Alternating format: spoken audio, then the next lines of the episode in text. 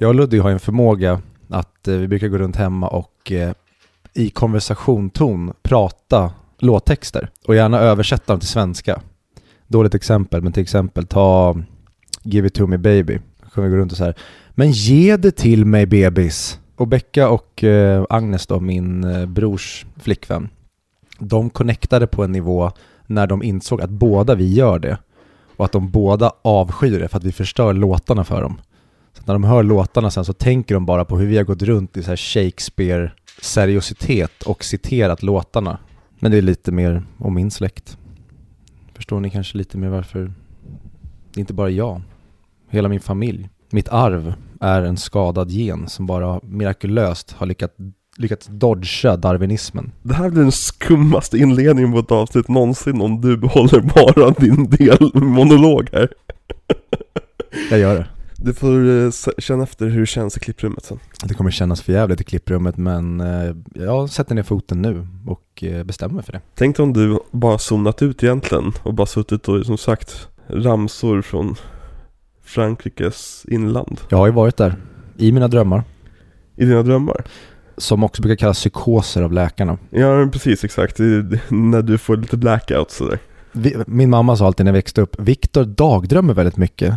Och då sa läkaren, jo men när man, går runt, eller när man dagdrömmer då brukar man inte gå runt och veva med ett svärd och skrika att jag är Aragorn, jag har kommit för att ta er.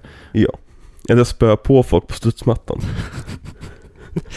Nej, utanför på min tomt när vi växte upp så hade vi studsmatta och vi lekte i alla filmer som vi någonsin såg. Lekte vi på den studsmattan. Dragon Ball måste ju varit det oftast Oh ja. förekommande temat. Och Spiderman, för det gjordes väldigt bra på studsmatta. Ja, Åh, när vi kom ut från att ha sett eh, första Spiderman-filmen och åker hem och leker det på studsmattan. Good times. Men då hade min bror en vän som hette Daniel. Minns du honom? Nej, det tror jag inte. Var det han som såg ut som Frodo? Nej, det var Simon. Okej. Det, var ja. ju, det var ju sjukt att han var en kopia av Elijah Wood. Så här, jag tyckte aldrig att han såg ut som Frodo. Jag, det var bara någonting som ni sa, jag tyckte aldrig att han var särskilt lik Frodo. Nej. Det var det var så här, ja nej, nej han, han är mörkhårig och har blå ögon, men okej, fine. ja. Ja, där följer den. Men vi i den skadade genen eh, Landegren, vi tyckte det i alla fall. Ni har alla samma fel på era ögon. Det borde vi ha. I alla fall 50% jag och min eh, syster som har synfel. Och ni har samma psykfel också. Vad sa jag? Synfel. Jag menar psykfel. Så. Vi började alltid i lek när du, jag och min bror lekte. Mhm. Men det slutade alltid, typ utan undantag, med att jag och min bror slogs. Och du bara typ satte dig eller klev av och ställde dig och väntade ut tills det hade övergått eller tills jag hade besegrat honom och han gick in och grät och Ja. du och jag fick ha studsmattan för oss själva. Det här är preskriberat så ni kan inte anmäla mig. Men Ludvigs kompis Daniel då, som ofta var med och lekte, han satt ju bara och storgrät bredvid Stackarn. och bara så jag vill gå hem. Åh. Men du, du, du, jag tänker mig dig, du sätter bara korsa benen, tar upp en bok, tuggar på ett äpple Ja, och men- väntar ut stormen. Ja men fan, jag, jag var ju van. Det var verkligen det. Ja, gud jag har sett så många mörka sidor av din familj. Det var ju den här gången när Fredrik kom hem och han hade ju förlorat väldigt mycket pengar på betting.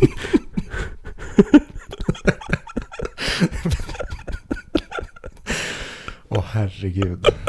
Vad är det här för inledning? ja verkligen. Välkomna tillbaka till audio videoklubben. Jag skulle köra uns, uns, uns, uns för att det här kommer ju vara lite i det stuket som Audiovidnatklubben ibland är. Ja, audio videonattklubben är ju då vår Patreon-feed. Där vi är oftast lite mer slängiga, det är oftast väldigt oklippt och liksom, vi sitter mest bara och liksom reagerar på saker och ting eller har våra initiala åsikter efter vi har kommit tillbaka från bio och så vidare. Men idag ska vi göra en DVD-kommentar. Efter misslyckandet med Walk Hard, The Dewey Cox Story, ska vi oss på det här en gång till. För vi är dumma i huvudet tydligen, men det här kommer bli jättekul.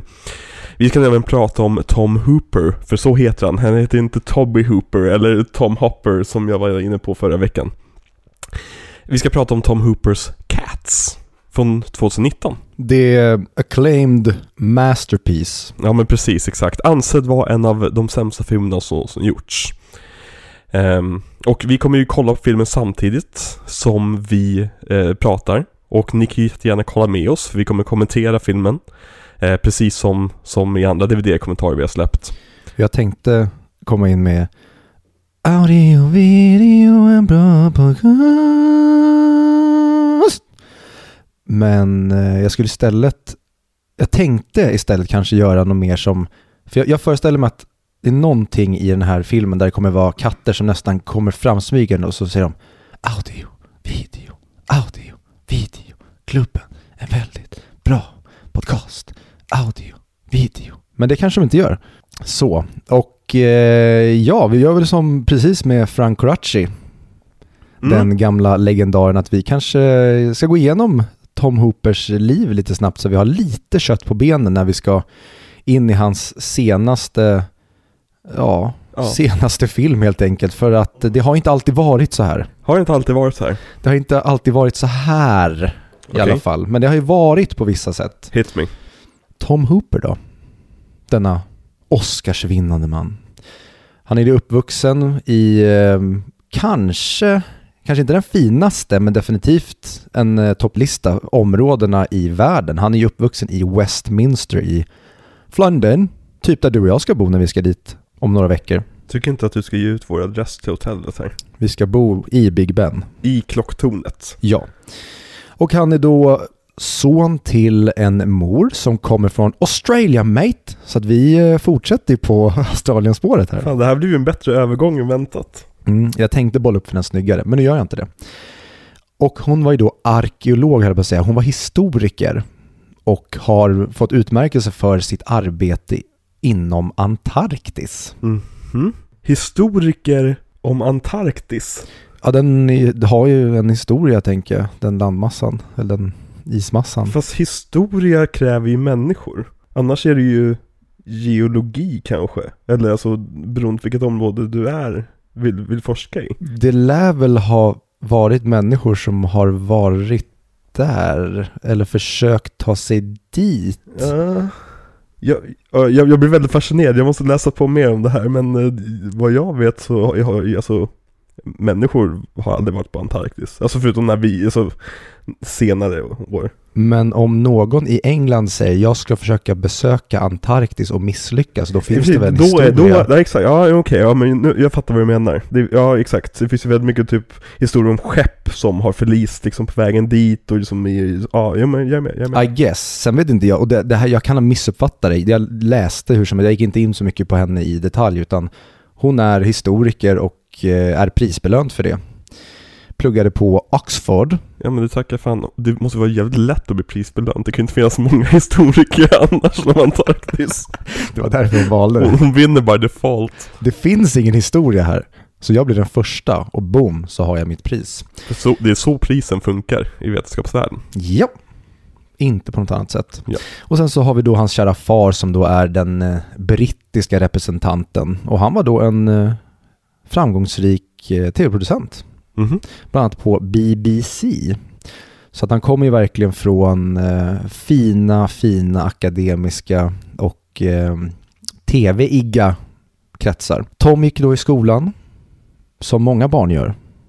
Gick du i skolan Alexander? Jag tror det, jag har lite minnen från det Jag fick skapa ett, eh, en slags eh, interaktiv berättelse här. Jaha Jo, jo men jag gick i skolan eh, Först gick jag i grundskolan då Och sen så gick jag i gymnasiet Ja, vad bra. Då har vi täckt det. Ja. Och det gjorde även Tom Hooper då, fast det heter ju inte grundskolan och gymnasiet för att de pratar ju engelska i Storbritannien. Pluggade sen på Oxford. Vad tror du att han håller på med där? Han höll på med eh, genusvetenskap Exakt. Nej, på Oxford så pluggade han engelska, Mhm. men han sysslade även med teater. mm. Där han bland annat eh, samarbetade med Kate Beckinsale Mhm. och även med Emily Mortimer som var elever under samma period. Emily, Emily Mortimer, vem är det? Eh, Det är ju, du vet, den här favoritfilmen du har som Paul Thomas Anderson har gjort Ja, med Adam Sandler. ja, Kärleksintresset är den. ja. Och hon som även spelar alla forskare i Tjernobyl. Hon heter Emily Watson Jag har eh, blandat ihop de här människorna. Okej Är det Emily Watson eller är det Emily Mortimer? Du, jag blir jätte... Jag måste kolla det här nu. För jag känner igen namnet Emily Mortimer, är inte det Professor Sprout? Nej. Eh, Dolores, höll jag på att säga. Den, Dolores? den galna kvinnan i Shutter Island tänker jag på direkt när jag tänker på Emily Mortimer. Okej. Hon som eh, i en bild inte har typ något hår och gör ett Ja, hysch-tecken. ja, precis. Och hon även som sitter inne i rummet då, där de hittar den första ledtråden har jag för mig. Som verkligen pratar om, är att hon, är hon en, det här minns jag för dåligt, men är det så att hon inte, hon jobbar ju där har jag för mig, men spelar rollen som hans fru. What? Känns, nu har du rört ihop typ tre karaktärer känns som. Nej men jag, jag, jag minns hon- det här för hon- dåligt. För hon som, hon som uh, huschar, Mm. hon är bara med i en scen och det är bara den scenen. Och jag har för mig att det är en sminkad Emily Mortimer. Jaha, okej. Men jag kan minnas helt fel. Ja, det tror jag. Nej, hon är jätte... Och sen så hon som hon pratar med sen, som, som, som typ skådespelar. Det är en helt annan skådespelerska. Inne i cellen. Ja, precis. Hon, hon är lite större. Nej, nej, nej. Du tänker på hon vid bordet. Ja, precis. Som typ blir upprörd. Finns någon inne i cellen, men inte cellen tom, är inte det hela grejen? Ja, men som pratar som att det är, hon pratar om sin man. Och jag för mig, och gud vad det här kommer vara fel, men eh, bra då kan jag använda det till min bok jag ska skriva sen. För att jag har för mig att Emily Mortimer är en av nursesna på eh, psykhuset Jaha. som spelar rollen som hans fru, Teddys fru, för att få typ honom att Nej, ingen Koppla. spelar rollen som frun. Nej men inte spela rollen som fru, utan hon agerar som att hon är frun och säger saker som han har berättat om Okej, sin fru. okej, jag är med, jag är med. För att eh, frun spelas ju av hon som var med i Great Gatsby. Ja men precis, det var just det jag tänkte. Är inte det Michelle Williams? Precis, som var med i The Great Gatsby. Precis. Men jag kan minnas det här fel, men det är i alla fall hon som spelar henne och du har säkert något annat exempel på vad Emily Ja Mortimer- men kolla, Emily Mortimer. Ja men, jo men exakt. Jag har faktiskt inga, det är Shutter Island som dyker upp i mitt eh, huvud. Ja. I övrigt så har jag faktiskt ingen film där hon är med. Nej. Men det känns som att hon borde ha varit med i Harry Potter. Varför fick inte hon vara med i Harry Potter? Hon är väldigt Harry, Harry Potterigt ansikte. Verkligen. Ja. Vem hade hon kunnat spela? Hon hade kunnat spela Trelawney. Mm, jag tänker att hon hade kunnat göra, om de nu inte hade velat gå, nu har de ju perfect casting i henne, men jag tror att hon hade kunnat göra en bra Umbridge. Eller eh, Narcissa Malfoy. Eller så skulle hon kunna spela Tonks. Ja. Där, Mm. absolut. Eller typ Hermiones mamma. I den stora rollen. Ja men Som precis. Ja, men, Catherine Stark. exakt, tänkte säga, hon får ju se sina barn bli mördade framför sig och få halsen avskuren och så vidare. Det är ju mycket att göra i den rollen. Mm. Ja. Men okej, eh, han samarbetade med Emily Mortimer. Precis, hon som spelar forskarna i, och även Adam Sandlers eh, kärleksintresse. Exakt. Det här är verkligen den, Usch. Jag tycker synd om alla som lyssnar första gången Tur på det att du här. kan klippa i det här materialet. Det kommer jag aldrig att göra. Nej. Det här kommer vara uncut gems. Nej. Och eh, det där skulle han aldrig ha gjort. Aldrig. Nej.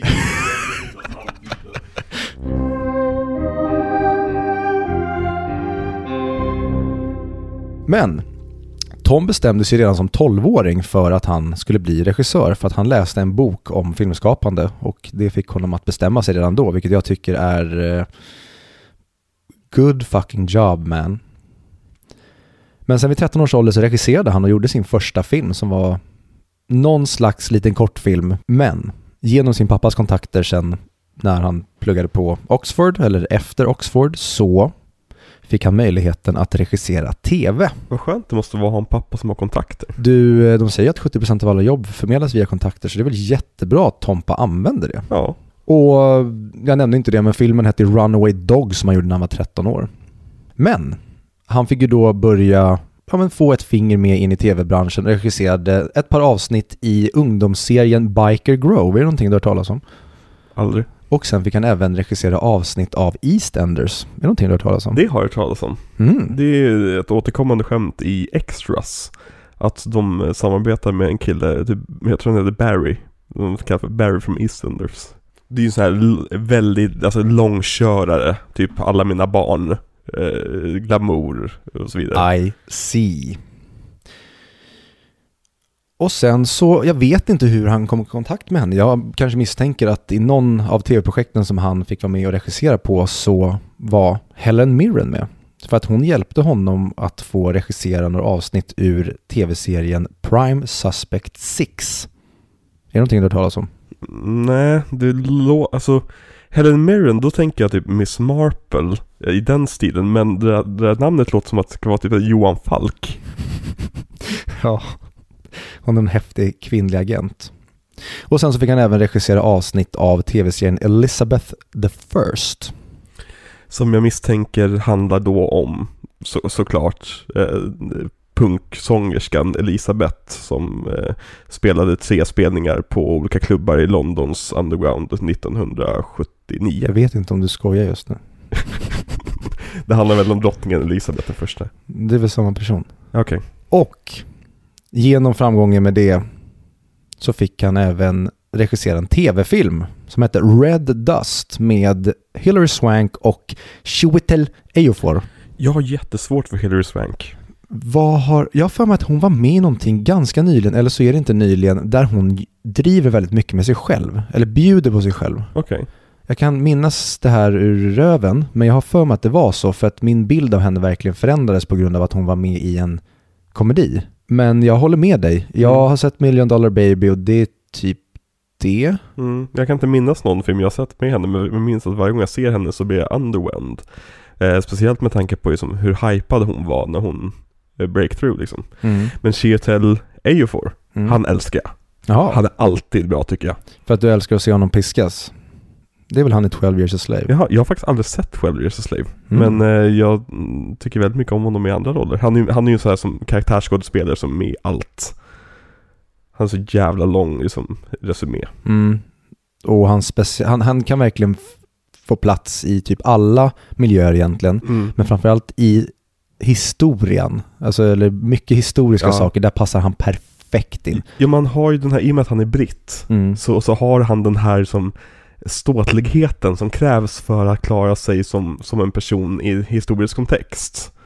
Eh, så det är, nej men jag, och han är, jag tycker han är alltid som jätterolig när han dyker upp i Marvel-filmerna och också är det rolig men han är bra liksom. Så honom, honom tycker jag. Jag tänker ju att han hade ju varit den optimala personen att spela eh, Dr. Edwards i The Nick. Sen är ju Andre Holland bra, Ja, jo, men fast, Chiwetel Ejiofor är ju next level ja, shit. verkligen. Nu när du säger det. Ja, det hade varit jättebra. Och för er som inte har sett The Nick, se The Nick. Den Nick är jätte, jätte, jätte, jätte, jätte, jättebra. Mm. Jag skulle säga att det är topp fem serier någonsin som jag har sett. Ja.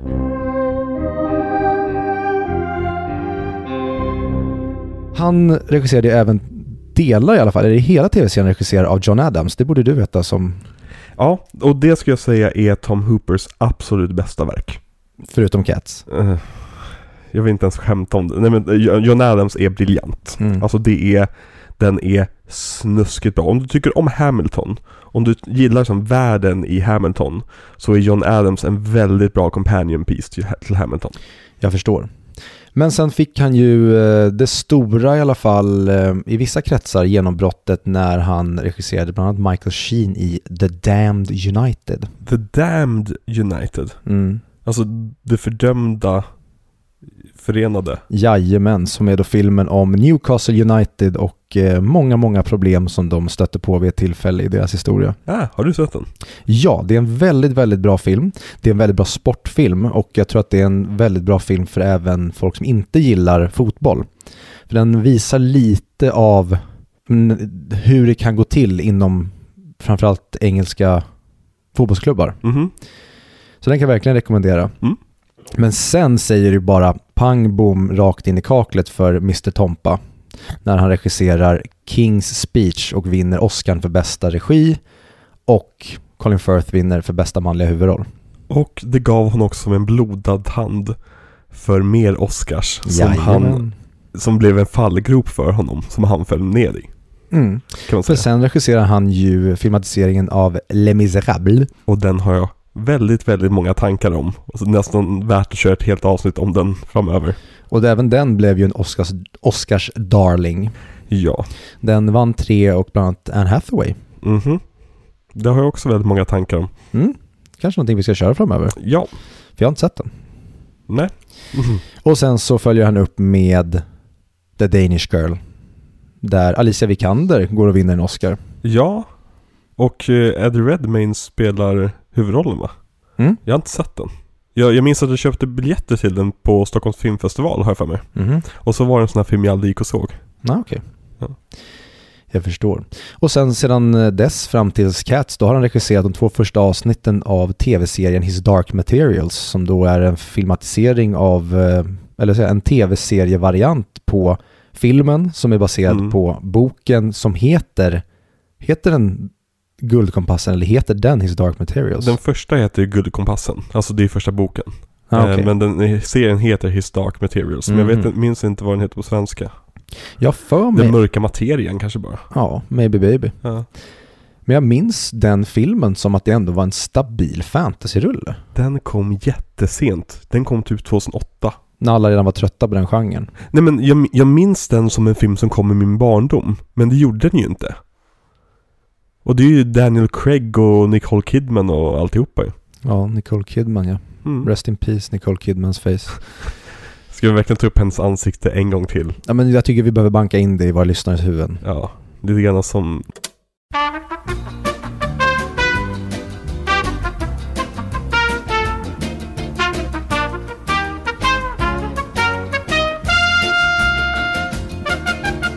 Okej, ja, så, så det, det är Tom Hoopers karriär.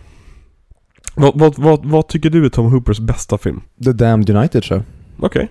Jag eh, tyckte Danish Girl var bra. Jag tyckte King's Speech var helt outhärdlig.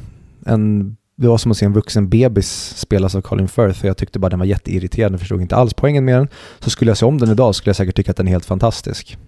Les Mis har jag inte sett, så den kan jag inte uttala mig om. His Dark Materials kollade jag aldrig in. Nej. Inte du med hon från Logan? Daphne O'Keefe Jo. Exakt. Ja, precis. Mm. Ja. Men eh, Danish Girl tyckte jag var en bra film. Framförallt så var jag väldigt mycket förälskad i eh, Alicia Vikander vid det tillfället och tyckte så här, verkligen unnade henne all framgång för jag tyckte hon var så fruktansvärt bra. Mm. Och sen när hon går och vinner en Oscar så var det bara skitkul, Mm. tyckte jag. Nice. Sen har ju hennes karriär gått typ ner i sank sen dess. Ja, vi får också komma ihåg att det har varit covid emellan. Som har ätit upp liksom två, tre år. Men hon har ju tagit dåliga karriärsbeslut sen dess. Hon skulle aldrig gjort Tomb Raider. Nej, Den tvåan har ju lagts ner nu. Hon startade ju ett eh, produktionsbolag också med Lisa Langset vill jag minnas. Där de regis- gjorde sin första, eller Lisa Langset regisserade sin första engelsktaliga film som Mm. heter Euphoria med Alicia Vikander och Eva Green. Men eh, gick inte hon och blev morsa också? Hon, Det- hon och Michael Fassbender. Jo, jag vet att de var barn. men jag vet precis. inte. Det kanske är det. år. Alltså, jag, jag, jag tror att hon nog kan komma med en revival inom kom, kommande två åren. Mm, hon var med i någon som heter typ såhär The Tokyo Hotel eller något sånt där också. The Tokyo Girl. Jaha. Som var Tokyo någon... Hotel var ju det här pojkbandet. Just det, det var så det var. Nej men den heter någonting med Tokyo som jag minns som var, stundtals var det en väldigt, väldigt bra film och stundtals var den horribel men den fick usla betyg. Vilken tycker du är hans bästa film? Alltså jag tycker inte om någon av hans filmer. Det är ju det. Eh, jag, alltså, jag, jag gillade King's Speech när den kom. Men det är också så här, det, det jag, jag är väldigt svårt för kostymdraman. Och det är som den, den får väldigt mycket gratis. Och sen så när jag sett om den så, ja nej jag tycker, alltså den, den är inte särskilt bra. Jeffrey Rush är härlig i den och så vidare. Men ja. Men eh, jag tycker, alltså jag måste ju säga John Adams. Liksom, även fast det inte är en av hans filmer så är det ju ett projekt som han liksom startade och tog i mål så att säga. Mm. Så eh, den kan jag starkt rekommendera. Den, ehm, det är en av mina liksom, favoritminiserier från HBO. Du borde typ sätta ihop en lista på filmer och serier som har med historiska och politiska events att göra. För Okej. du har ju många sådana som du tycker om. Jag tänker till exempel på Vice och nu Mm. den här Russell Crowe-serien. Alltså att det finns ändå... Mm. Och den här Conspiracy. Ja, precis. nazisterna. Ja. Mm, ja men alltså det, det, det är en det är en kategori som jag tycker väldigt, väldigt mycket om. mm, Och det är så, därför jag tycker ju om att se typ Les Misérables. För att den hanterar ju väldigt må- många sådana saker också. Men det är ju en film som Tom Hooper har slaktat musiken i. Och det kommer han ha gjort i den här filmen också. I Cats. Som vi ska prata om idag. någon gång kommer vi prata om den. Ja, men precis. Men ska vi dra igång Cats eller? Eller har vi någonting mer vi vill gå igenom innan vi börjar? Vi kommer ju prata under filmens gång. Ja, nej, vi sätter igång. Ja, nu ska vi se om vi kan, ja, vi har den här på Blu-ray va? Och eh, de här kontrollerna suger, eh, så vi ska se om vi kan få det här att bli synkat. Eh, nu är vi på någon skärmsläckare här. Och nu började filmen bara hux flux. Nu ska jag gå tillbaka så långt jag kan gå tillbaka utan att den typ stannar och bryter. Kan vi pausa? Ah, yes, jag lyckas pausa. Okej, okay, jag har pausat på en sekund. One second. One second. Okej, okay, men då säger jag att vi startar om tre, två, Jag ska vi inte säga vart den finns att se? Och... Den finns att se på Blu-ray här hemma hos Alex. Definitivt, ni är välkomna hit, vem som helst. Nej, den finns att se på Netflix. Mm. För er som har ett Netflix-konto. Yes, så det är bara att dra igång den där. Och sagt, vi kommer börja på en sekund här på grund av anledningar. Så Viktor, räkna ner. Tre, två, 1.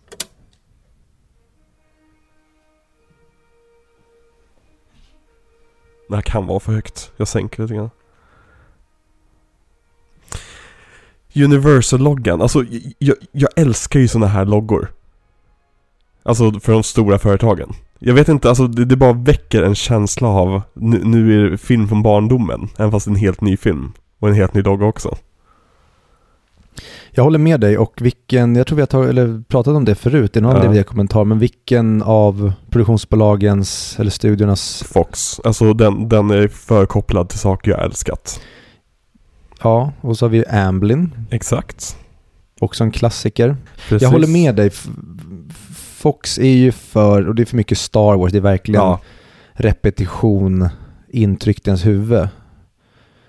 Men Universal är också en sån, där mm. tänker jag framförallt på Jurassic Park. Precis. Och nu börjar filmen. Och grejen är, jag, jag kommer göra någonting oväntat den här, i det här avsnittet. Jag kommer vara väldigt snäll mot CGI. För jag tror inte vi kommer ta oss igenom det annars. För att CGI är, är inte det största problemet med den här filmen. Och vad du sa är att en tidig variant av den här så kunde man typ se att de hade gröna handskar på sig som inte än hade animerat? Ja, men typ på typ Judi Dench i vissa scener. Eh, så var det så. Eh, och även att de hade rövhål.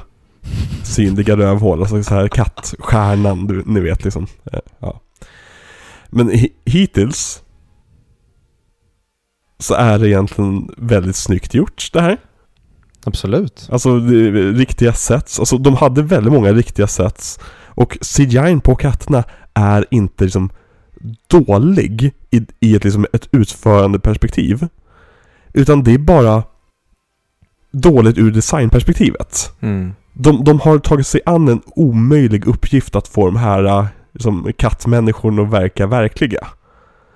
För att det funkar när du har personer som ska representera katter i, liksom i spandex, springa runt på scenen. För att när du ser folk på, på en scen, då har du ett kontrakt med scenen att det här är inte på riktigt, men de försöker representera en verklighet. Men helt plötsligt här, på en film, då, då ska det ju vara verklighet, så att säga. Mm. Och nu ser vi människor som är pälsbeklädda med svansar och som har människoransikten. Och det blir bara som, det, det blir fel i, i, som, i, i det stadiet. Den här filmen skulle aldrig ha gjorts. Ja, det här är väl så långt hittills vi har kommit in i när Uncanny Valley blir nästan body horror. Ja. För det här känns som att det är människor som har varit med om en tragisk olycka och att det här är egentligen en mutantfilm. Mm. Och nu när de börjar sjunga så märker vi redan ett jättestort problem det är det att Tom Hooper kan ingenting om musik. För när du spelar in en musikalfilm, då brukar du oftast, nästan alltid, spela in sången separat från det du filmar. Så att sången är verkligen perfekt. Och att, att, som skådespelaren och sångarna kan verkligen använda sin röst och samtidigt som karaktären hoppar runt.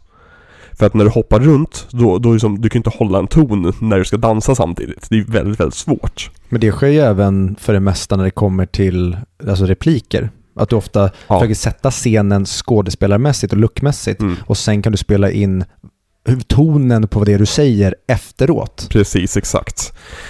Och det man brukar göra när man spelar in musikaler då, det är det att man har en öronsnäcka med antingen det färdiga orkesterscoret eller en pianist som sitter och spelar till ett klick. Mm. Alltså att det blir verkligen i takt. Tom Hooper kom på den briljanta idén att nej men jag låter mina skådespelare bestämma tempot. Och ni som musiker där ute ryggade precis tillbaka i skräck och kräktes lite grann. För att låta en sångare bestämma tempo över en orkester är så bakvänt det kan bli när det kommer till vem som bestämmer vilket tempo det ska vara i en låt. Så alla låtar i den här filmen saknar det korrekta tempot. Och liksom sväller och liksom blir långsammare och snabbare baserat på när sångaren vill, liksom, eller skådespelaren ska jag säga, för det är inte många sångare i den här filmen. Baserat på när skådespelaren vill att saker och ting ska hända. Vilket är, gör så att ingen musikalsekvens riktigt i den här filmen funkar, förutom kanske två, tre styckna. Jag älskar hennes ansiktsuttryck under hela den här scenen. Ja.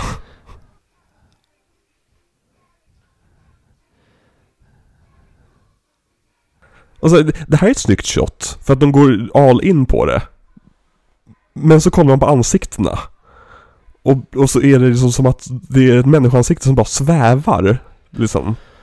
Ja, om vi, vi har nämnt det tidigare, till exempel ansiktena i dräkterna, framförallt i Iron Man-dräkterna Ja. i eh, Marvel. Mm. Där ser det ju lite obehagligt ut för att det inte passar in perfekt. Mm. Här är det som att kroppen rör sig på ett sätt och huvudena är inte riktigt i synk med kroppen hela tiden. De, Exakt. Det känns som att de, huvudena nästan skakar pyttelite konstant. Mm. Så att de är ur kroppen ibland. Jag vet inte hur jag ska förklara det, men det, det går inte ihop. Det är som att det är som att det biologiska inom en ser det här och tänker att Mm.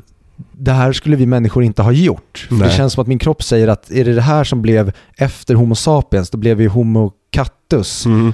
Och så skulle det inte gå till. Ja. Min kropp kan inte skilja på att det här bara är en film. Den tycker att det ser för obehagligt ut.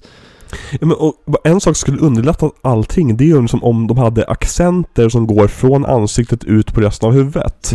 För nu ser ju allas ansikten så inramade ut. Mm. Och då tänker man så här, jo men det är säkert för att i, i scenföreställningen så är det så designen ser ut. Och de ville hålla det som autentiskt i hur det ser ut. Nej, nej, nej, nej. I scenföreställningen så har de otroligt bra sminkning i ansiktet just för att sälja in effekten. Det här är något slags liksom, designval som någon, någon gjorde för att, så här, vi måste ju se att det är människor. Men tillbaka då till att det behöver inte alltid vara precis som i en tidigare förlaga. Nej. Om det inte funkar i filmen så kan du inte ha med det i filmen, hur mycket den finns i originalet. Ja men och, och Ja, nej men alltså hela grundkonceptet med att göra film av Cats är fel. För Cats, visst det, blev, det var en av världens största musikaler någonsin. Det, det är den första blockbuster-musikalen. Jättepopulär, alla gick, gick och såg den, alla har en åsikt om den. Men saken med Cats är att den har ingen plott. Den har ingen plott alls, förutom en liten, liten, typ nästan dold plott om att Grisabella vill bli en del av ingruppen. Men du kan inte göra en film av den här musikalen för att det finns ingenting som för storyn framåt. Hela grejen med Cats är att det är ett roligt spektakel. Du går på en föreställning och du ser personer utklädda till katter dansa och sjunga en- kväll. Och sen så går du hem och så pratar du med, om den med dina kompisar. Men att ha det som en film, det är ju det är att besegra syftet med, med liksom hela föreställningen. Så den här filmen är dead on arrival.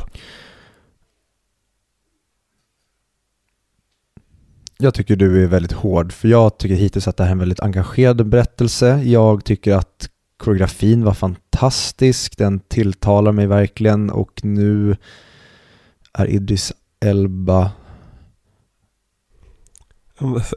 Idris Elba har ju kul i alla fall. Men han är otroligt felkastad. Jag vill inte se Idris Elba försöka sjunga. Nej. Eh, Och det är också grejen, han, han, Tom Hooper anställer ju personer som inte kan sjunga och sen ger dem inga hjälpmedel för att kunna sjunga ordentligt. Alltså de, de fokuserar mer på skådespeleriet än sången. Vilket så här. när du gör en musikal, då gör du också ett val i att liksom så här, det är musiken som är det viktiga. Annars hade du inte behövt göra en musikal. Du hade kunnat göra en spelfilm av det här och ta bort mu- musiknumren. Om det är nu det du vill göra. Och sen så det här Victoria. Hon, hon är ingen kar- alltså hon är en väldigt, väldigt liten karaktär i scenföreställningen. Men de har gjort henne till huvudkaraktären här, vilket jag kan komma till senare om jag orkar. Det saboterar hela grundidén bakom den här showen. Kör. Ja, i och för sig det här är en rätt tråkig sekvens. Men kom, Cats handlar Ca- Cats handlar om ingruppen versus utgruppen.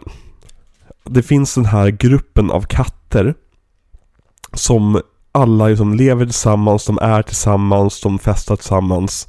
Och så finns den här katten Grisabella som är utstött. Och varenda nummer i den här musikalen är så kallat I am-nummer. Det vill säga att alla berättar bara om vad de är och oftast berättar de inte om sig själva utan det är deras kompisar som berättar om dem. Alla skryter om sina vänner i den här gruppen. Men den enda personen som sjunger I want, som är en väldigt, väldigt stor del av en vanlig musikal, att huvudkaraktären ska säga jag vill det här, jag vill bli fri, eller jag vill bli kär, eller jag vill göra det där. Det är en väldigt stor del av musikaler. Men den här musikalen har bara ett sånt nummer och det kommer som det sista numret praktiskt taget. Och det är liksom, det, det är en del av det roliga med den här musikalen, hur den vrider och vänder på musikalkonventioner. Men det betyder att du har hela tiden den här Grisabella som är den enda som vill någonting, medan alla andra är någonting. Men så helt plötsligt ska vi göra en film av det, så introducerar vi en helt ny karaktär som får den rollen praktiskt taget som Grisabella får. Och då liksom tar bort kraften i att när, när det här I want-numret verkligen kommer. För hon går inte och är I want genom hela filmen, den här eh, Victoria. Och det är egentligen därför jag tycker att hon saboterar, alltså bara att hon är med saboterar eh, eh, Cat-strukturen. Jag tänker, jag kommer, det är nästan så att vi kan köra ett bingo genom det här avsnittet. Jag kommer fråga, vad Ja. är det som händer? Just nu introduceras, alltså i och med att det här är baserat på dikter så är det ju väldigt, väldigt löst alltihopa. Det är ju T.S. Eliot som skrev en diktsamling 1939. Ehm, och nu ska vi egentligen bara introduceras för världen. Och varför den här scen, sekvensen finns med? Ja, det är för att i musikalen så är det ett jättehäftigt dansnummer. Och det är liksom det som är syftet med den här scenen. Och Men- det kan det ju bli här också. Ja, precis. Som man hade filmat rätt. Jag jag gillar över CGI-användandet på bakgrunden dock. Alltså det gör så att det blir en drömsk nästan... Jag vet inte. Mm. Nej men jag håller med. Det här eh, finns det inga problem med CGI. För vi är redan i en sån Ja. out there world. Alltså de har redan satt karaktärerna som det handlar om. Har ingen förankring i verkligheten. Ja men då kan du lika gärna hålla på med rolig CGI när du bygger världen. Verkligen. Däremot har de väldigt problem med skalan på katter. I den här filmen. Hur stor är en katt? Är en fråga de aldrig ställde sig. Ja, det har jag för mig att det skiftar konstant va? Ja. I olika scener så är de olika stora. Beroende på vad de behöver göra. Och nu får vi då reda på att de har sitt lilla kultmöte en gång om året. När de bestämmer om vilken katt ska få dö. Vilket är okej. Du ska ju, för, eller, du ska ju besvara idag. Vad är en Jellicle Cat? Angelica, det kommer Judi Dench berätta för oss. Ja, vad bra. Mm. Ge mig en sekund.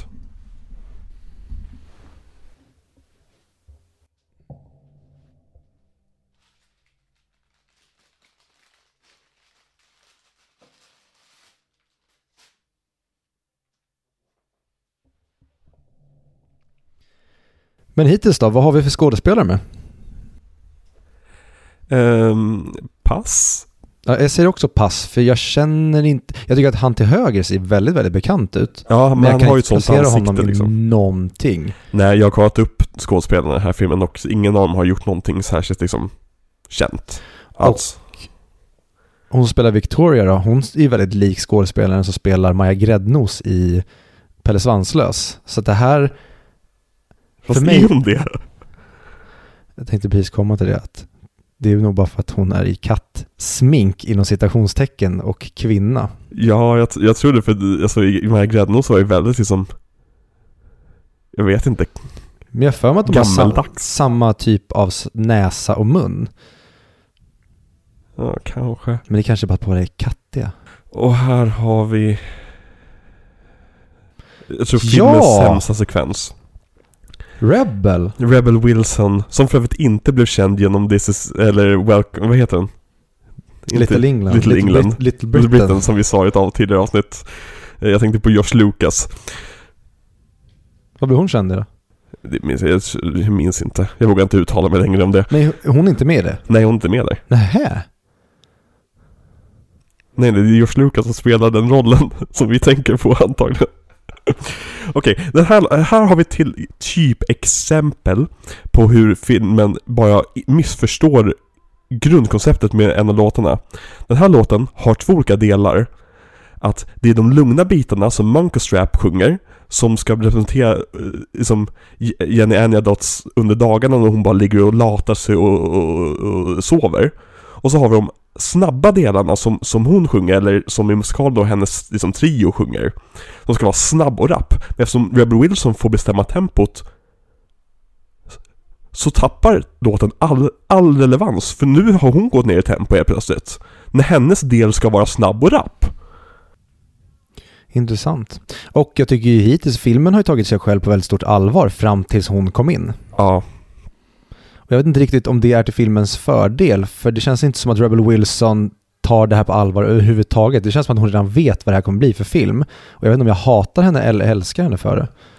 Jag eh, avskyr henne i den här filmen. Hon får så mycket utrymme att göra improv också. Vilket säger du improviserar inte. Ja. Aj, mössan ser ju ännu värre ut. Ja. Ja, ja, det är alltså det... Hmm.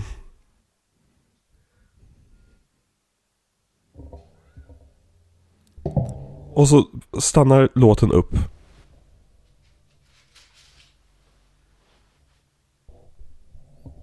Men han har ju bra sångröst i alla fall. Någon som hade kunnat spela Rebel Wilsons eh, karaktär är ju även Amy Schumer. Inte för att jag Mm. tycker det, utan för att hon hade kunnat det. Ja, Det hade kunnat vara så illa. För att det här är Amy Schumersk humor hon håller på med. grejen är, så här ska ju inte den här karaktären vara heller. Hon, alltså hon ska ju vara typ en mer av en pompös, pompös brittisk överklassdam. Och inte liksom en goofy ramla runt och liksom slå sig och ja. Han ser alldeles för intresserad ut av henne. Och återigen, här får hon sjunga om sig själv. I musikalen så är det en typ en kör som sjunger typ swingmusik, alltså här stämmor, om henne och sen så fyller hon i vissa fraser. Men det är som, katterna ska vara så självsäkra att de inte behöver sjunga om sig själva förutom när de liksom bara liksom leker med i det, de andra sjunger. Det är liksom en del av... Fast ingen fysik där helt plötsligt. Nej men det är ju precis som katternas storlek i den här filmen. Den skiftar ju konstant. Mm. Jag tycker det finns en intressant grej med att göra katter nästan utan eh, gravity. För Mm. att de är så himla lättfotade och gör saker som ibland man undrar hur kunde den landa på fötterna Nästan där? typ såhär Hongkong martial arts eh, wirework Ja men nästan. precis. Mm. Och det hade varit ett coolt koncept om de hade gjort det ordentligt med en riktig koreograf. Och, och det här också. Kackerlackorna steppar inte i takt med musiken vi hör. Och det är också Nightmare Fuel. Mm. Det var när hon tog, hon tog av sig sin, sin hud. Och visade sig att hon hade en klänning under. Ja. Och där åh. Och Tom Hooper, han, han, han förstår inte bara inte musik, utan han förstår inte CGI heller. I slutet på varje dag så krävde han att CGI-artisterna skulle alltså ge honom fully rendered sekvenser av det de precis eh, filmade. Så han skulle kunna få se hur det ser ut. Och det är en process som tar månader egentligen. Så de här redan överarbetat CGI-artisterna som sitter och försöker liksom få till en sekvens ordentligt måste göra en snabb version av sekvensen först. Så att han kan vara nöjd med det han får se liksom på sin monitor sen. Ah, Så vi är hittills väldigt positiva. jag tror, ja, Jason Derulo. ja, han kan ju sjunga i alla fall. Mm. Alltså, så- ska du göra musikal, anställ person som kan sjunga. Varför ans- anställer du Rebel Wilson för? Nu kan ju du svara på det här för du har sett Les Mis och där Ja. kanske finns tydligare kopplingar eller man förstår mer varför saker blev som de blev. Ja. Men jag tänker att är det någon som bara har gett Tom Hooper här en stor fet säck med pengar och sagt gör det här och han säger det går inte eller jag vill inte. Mm. Och så säger de jo men du får lite mer pengar. Nej men det går inte, jag vill inte. Okej, du får en blank check. Gör Mm. det här bara. Och han tänker att det här kommer aldrig bli bra. Så nu ska jag spåra ur här. Alltså, det, det, jag tror att det här är passion project för honom. Det är min uppfattning av det. Att det är han som går till studion och säger Hörni, jag har nästa Oscarssuccé.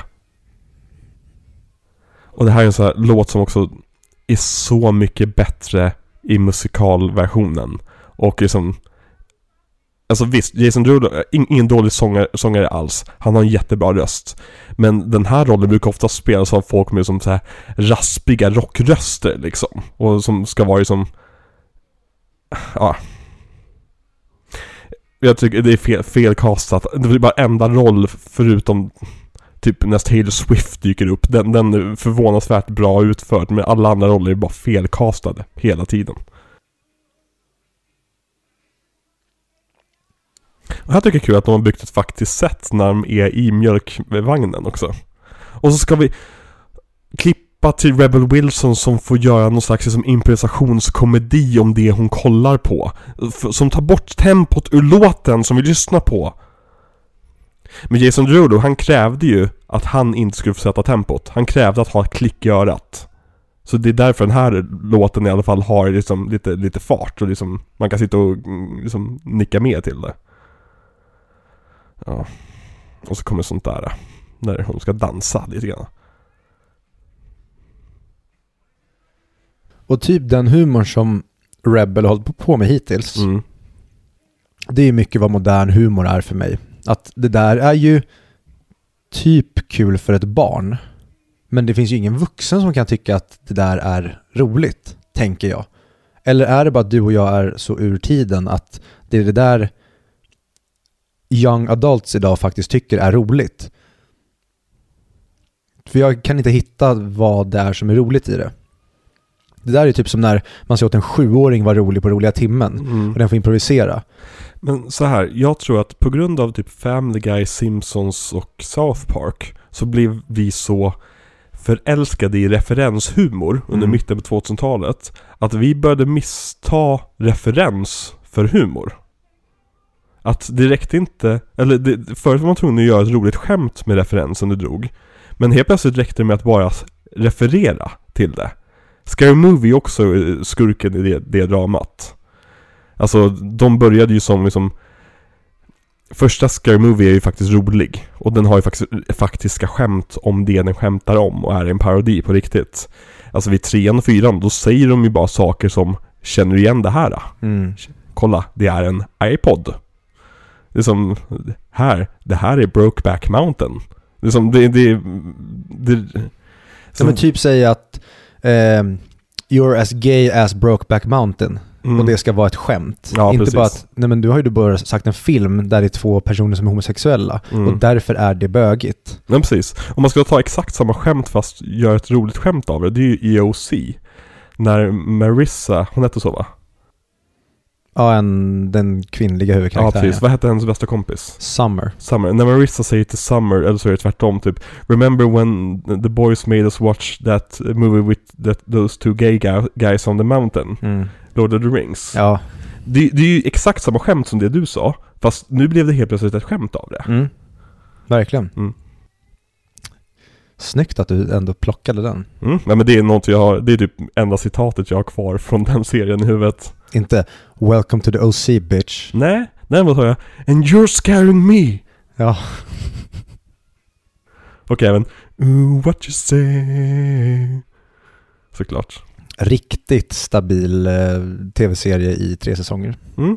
Eller två säsonger och den tredje är okej. Men de första två säsongerna är bara typ peak ungdomsseriematerial. Mm. Och här har vi då Grisabella. Och grejen är, här är ett perfekt tillfälle att komma in på också i, i, i musikalen. Så Victoria är den som till slut liksom välkomnar in Grisabella i, i gemenskapen. Men det verkar inte som Hoop förstår för att hon, hon liksom, han snabbspolar den grejen. Och var, varje gång folk försöker komma fram, de unga katterna försöker komma fram till Grisabella och liksom säga till henne Hej, vem är du? Så kommer alltid gamla katter som rycker undan dem på scenen. Och det känns verkligen som att han har missförstått hela grejen med den här karaktären. Hade det kunnat gå, om man nu skulle skriva en film av den här musikalen, hade det kunnat gå att tweaka det här hyfsat enkelt och göra det till någon slags rashistoria med vita och svarta och ändå få in den så här modern postmodernistisk ras teoretisk kontext.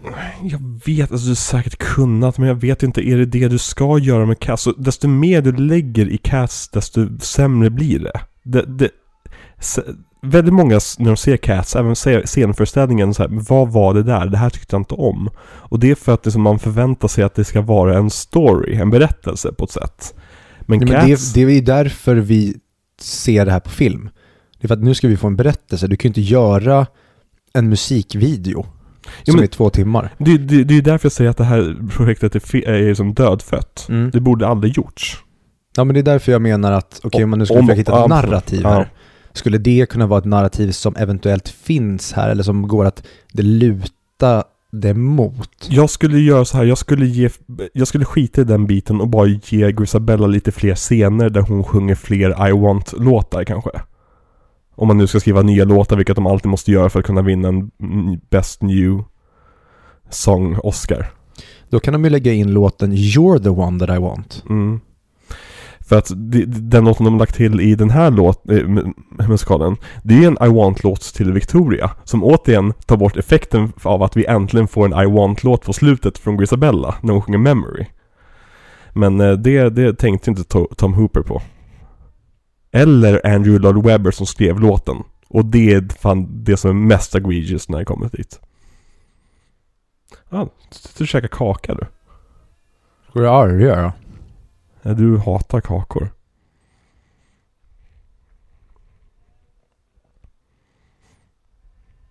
Men sak, saken med Cats är som att det är bara väldigt härliga melodier.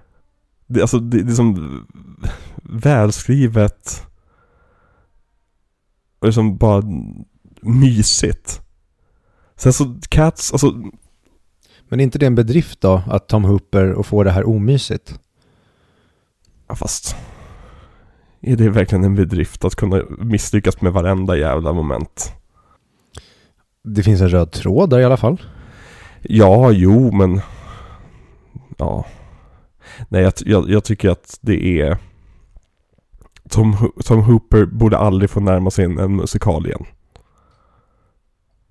Han har missförstått Les Misérables och han har missförstått Cats Två otroligt simpla och grunda Åh, Där kommer han, ja Alex, vems namn står först på Blu-ray? Eh, James Corden. Varför då? För att han är den största stjärnan i filmen. Varför då? För att James Corden är den största stjärnan alltid. Han, han är med i så jävla mycket och han förstör alltid allting han är med i. Han är ju han som spelar Cam i Modern Family, Mhm. men utan talang. Eller, jag ska inte säga det. James Corden, han är en jävel på att få samtal att flyta på med Hollywoods, Hollywoods elit. Ja, men han är ingen skådespelare. Nej. Och här är det, de ska ju i så fall, nu spelar det egentligen ingen roll för att det här är ett haveri, men du ska ju casta han som spelar, som nu har tappat namnet helt Ja, på, som spelar ja, ja. Cam i Modern Family. För att han är ju på riktigt rolig och har, vad jag förstår, eller hittills på karaktären som vi har träffat, samma typ av gayness. För att han har rockat Cam som Mm. den här, inom citationstecken, flamboyanta fjollan. Ja, men, nej, men verkligen. Alltså, det, det, det är mycket bättre casting. Alltså, och det är distraherande för vi ser att James Corden som kommer in som utklädd. Han känns inte som en karaktär som de andra. Nej, det är som Rebel också. Det är SNL-sketch. Ja. Och han kan inte sjunga för fem öre heller. Och han avbryter låten hela tiden för att göra sina små improvisationer. Och, ja, nej. Men om vi ska försöka göra en ansträngning nu, vi kanske Mm. faller tillbaka här igen. Ja. Men nu ska vi försöka se, vad är det som är bra med det här? Vad gillar du? Vad, vad är det kanske andra ser som Mm. eventuellt, någon har ju förmodligen tyckt om det här. Oh ja. Det finns ju en following av den här filmen. Och det är väldigt mycket liksom så här Rocky Horror Picture Show eller The Room following. Att man liksom sitter på en fullpackad biovisning och typ så här sitter och skrattar med filmen, åt filmen och så vidare. Men eh, alltså jag tycker ju om hur sinnessjuk den här filmen är. Jag tycker den är kul att kolla på. Ja, det händer saker hela tiden så man är aldrig uttråkad i den här filmen. Även fast liksom vissa låtarna drags on på grund av valen de gör med och vad, är, vad var det där för något? Man-made horrors beyond our comprehension. Han börjar som deep-throatade en räka. Men Ehm, är det kanske också en, ett av Tom Hoopers meddelanden han verkar skicka till oss mänskligheten med det här? Det är att ni ska inte vidare som art. Nöj er med hur vi är. För så här illa skulle det kunna gå om vi börjar para människor med katter. Alltså det finns ju en poäng som man skulle kunna göra är att Tom Hooper har verkligen gjort filmversionen av Cats. I det att Cats är en omöjlig musikal som folk bara liksom, den, den, blev är populär mot, all, mot alla odds. Den skulle inte blivit så populär som den blev. Men i det att han, han försökte göra exakt samma sak och försökte göra den mest abhorrent filmen någonsin. Men han misslyckades med det bara. Så man kan egentligen säga att Tom Hooper är en hjälte som sa jag tar kulan för laget och visar varför vi ska döda snacket om att eventuellt försöka göra Cats till en film. Så lägger vi bara ner det här och Mm. begraver det för resten av alla Mm. år. Ja men... Jag tycker det är kul hur du försöker ge Tom Hooper cred men försöker göra Matthew Vaughn till en slags pedofil. Kan det vara att Tom Hooper och Matthew Vaughn har hängt väldigt mycket och Tom Hooper försöker styra bort från att han är pedofil?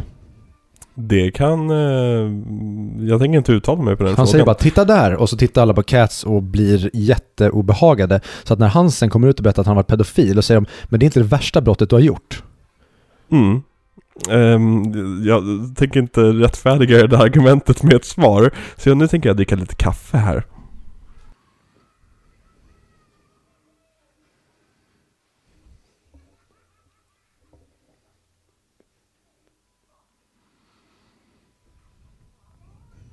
Vad tycker du om James Cordens sånginsats?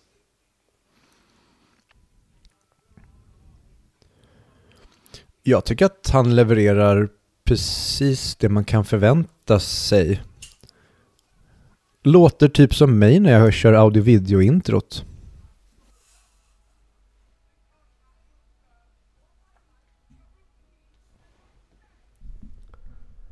Jag skulle säga att det är en väldigt bra analys av det. För att det är...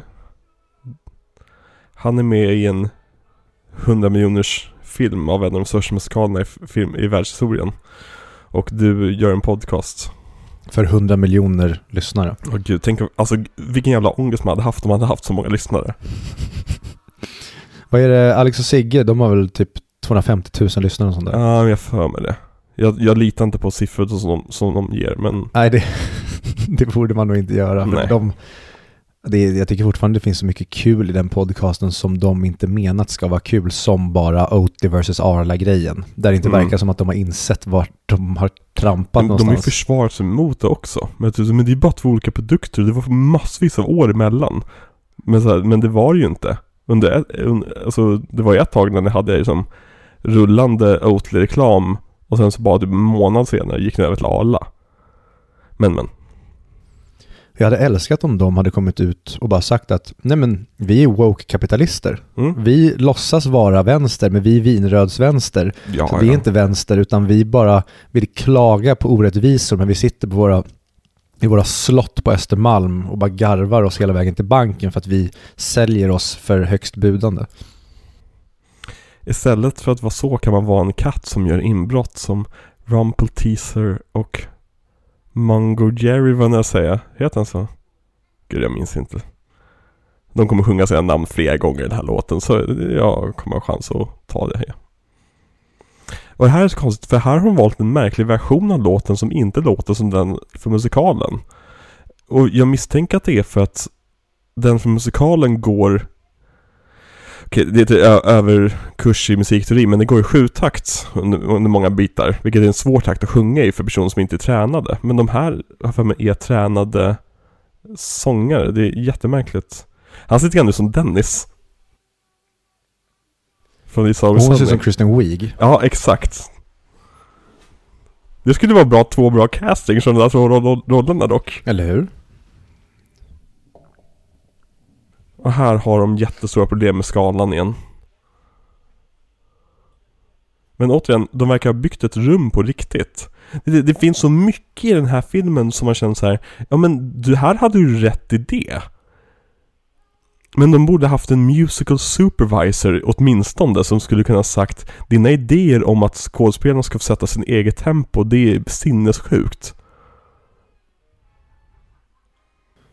Han tyckte det var roligt. Ja, verkligen. Jätteroligt att hoppa upp. Hur stort är halsbandet jämfört med klockan som... Okej, men nu har vi kommit, vadå? En halvtimme in i filmen kanske? Ja, en halvtimme 40 kanske? Ja. Vart är vi på väg? Nu, för det enda jag kan hitta i den här filmen hittills, det är att vi vill bli presenterade Mm. massa olika katter och vad de befinner sig i för typ hem och miljöer. Mm, precis. Och syftet med det är ju liksom att ge oss en bild av ingruppen så att säga. Jämfört mot Grisabellas utgrupp. Men i och med att vi har utgruppen representerad i de här sekvenserna hela tiden nu med Victoria. Så blir de här, alla de här sekvenserna helt och hållet meningslösa. Är det här, kanske inte motsatsen, men nästan motsatsen till den storytelling som Peter Jackson inleder Sagan om ringen med, när han berättar vad det är för värld och vad för typ av Oh ja. förhållande saker har till varandra. Fast, ja, tvärtom. Mm. Mm. Ja men verkligen, det, det, det, det här är ju bara... Det här, som jag var inne på tidigare, det här är bara menat att vara ett roligt spektakel en kväll. Mm. Och då funkar det inte, alltså det, du, du måste lägga till så mycket för att kunna göra det här till en rimlig... Hur, hur stor var den där nu då? Ja, alltså du, du skulle behöva lägga till alltså nästan liksom en, en, en hel plott. Alltså du skulle behöva skriva någonting från grunden för att lägga till så att det skulle funka som film.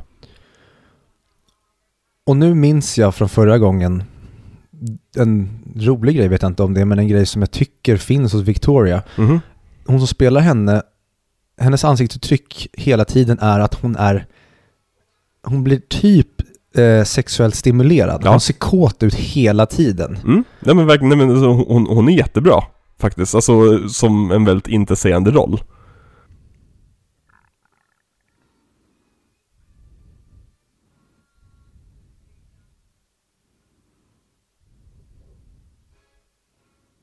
Och sen hela det här med katternas, att, att det, allting är översexuellt. Det är ju som så här, katter är ju väldigt sexuella varelser om man säger så. De går runt och gnider sig mot allt och alla och mot sig, mot varandra. Och det är ju väldigt åt, det har ju som Andrew Lloyd Webber använt sig av när han gjorde musikalen. För ett av de absolut största ögonblicket i just Grisabellas sista sång i Memory är när hon sjunger som 'Touch me' It's so easy to leave me. Alltså så här, det enda jag vill bara att ni ska röra mig som ni rör varandra. Och det gör ju så att man får ju frikort till att katterna ska gå runt och smeka varandra genom hela filmen praktiskt taget, och, och scenföreställningen. Okej, men tillbaka till Australien då. Mhm. Tänk om eh, den filmen som Baz Luhrmann alltid har gjort, tänk om han skulle göra den filmen av den här filmen. Då tror jag det hade kunnat vara ett, ett riktigt Mm. underhållande spektakel. Definitivt. Nej men alltså det är nästan så, om du ska göra en film av den här filmen, då måste du fokusera på att det är en outsider som vill in i gruppen. Det kan vara Victoria, men då måste du nästan ge henne Grisabellas grejer. Och du ge henne en hemlig kärlekshistoria mellan, mellan de två, till exempel.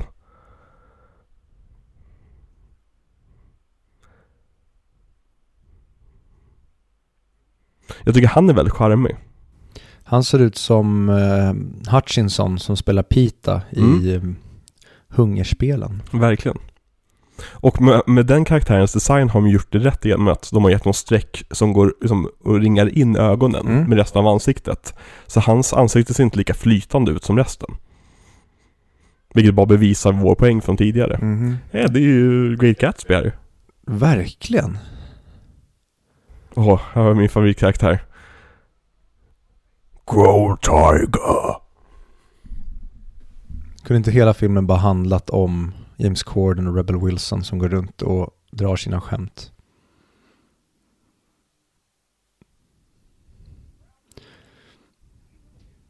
Är det Ray Winston? Och hans maffiabosschef är Jack Nicholson. Vad var vi såg Ray Winston i nyss? Vi pratade om honom.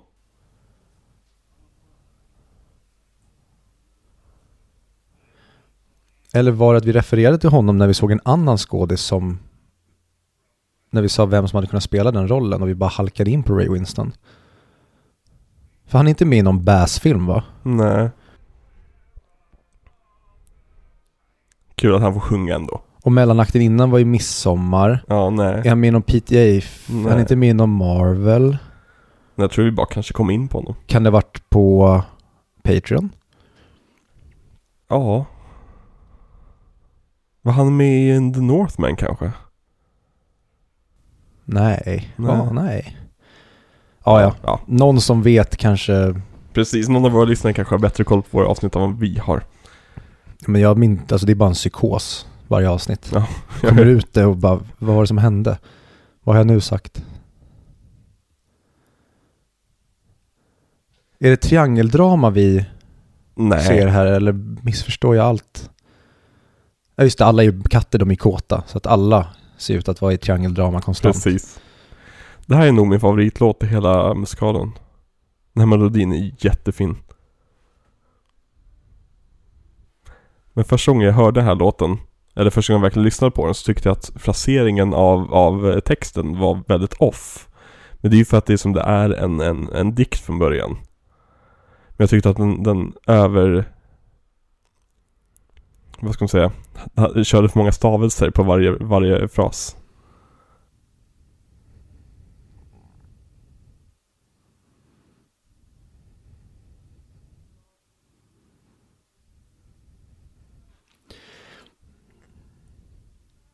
Det kan jag verkligen tycka är ett mönster när det kommer till musik som jag lär mig att tycka om på lång sikt och som Mm. jag håller väldigt, väldigt högt snarare än kanske hits eller låtar som fastnar hos mig direkt. Mm. Det är ju låtar som har en, en melodi och ett, framförallt kanske ett sångtempo som kanske inte följer det jag förväntar mig. Mm. Så att den tycker, jag, den får mig att känna att det här är ur synk eller det går, det är hackigt. Den kämpar emot dig. Precis, men Mm. i slutändan så blir det exakt det som skapar det här fantastiska. Precis. Det är mitt favoritband Jethro Tull. Eller utöver Beatles då. Eh, de använder sig mycket av det. Det är ju såhär progressiv rock. Så den kämpar ju allt. Du måste ju hela tiden vara på din vakt när du lyssnar på en Jethro Tull-låt. Och det är det jag älskar med det. Att du, du kan aldrig förvänta dig någonting där. Och nu kommer, Ja, en till väldigt stor miscasting. Och jag kan förstå processen här att man tänker så här, ja men vem ska vara ledaren över katterna? Jo men Judi Dench, det blir kul. Fan, det blir rolig casting. Det är ju en kille egentligen i musikalen men, men så har vi Judi Dench, så det, det blir asnice. Men problemet är att Deuteronomy har en av de, ett av de svåraste sångnumren i slutet och avslutar hela musikalen med som ett stort, stort nummer där man verkligen tar i från tårna. Och Judi Dench kan inte sjunga. det är det så...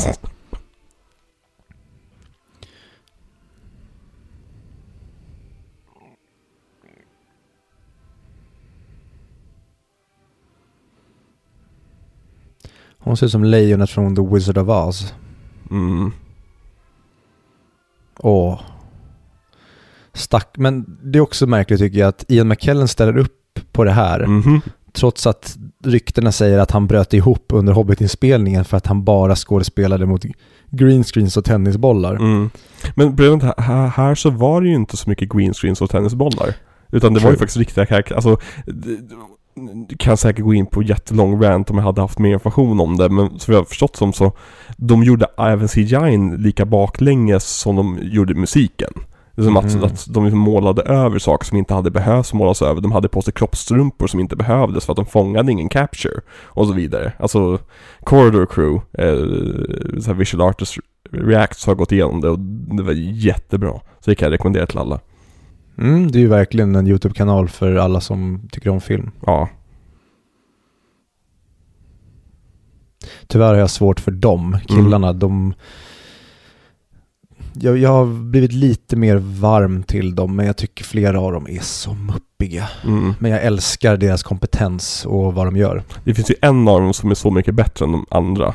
Eh, han typ rödhåriga, Ja, eh, krullhåriga som, som verkar typ vara chefen där. mm. Han, han, är ju, han är så jävla bra på att beskriva sådana, alltså fel i CGI. Mm. Sen är de här killarna, typ han som ser ut som ett troll, som en liten goblin Mm. och någon smal och lång kille. Mm. De som typ försöker vara influencer-varianterna. Mm.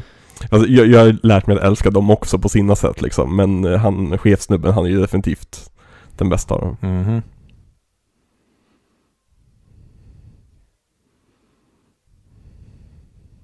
Jag älskar den textraden. Jellicle cats are of moderate size. Eh, De, de, är, de är lagom stora. De är svenskar. Inte fysiskt då, men in the spirit. Mm.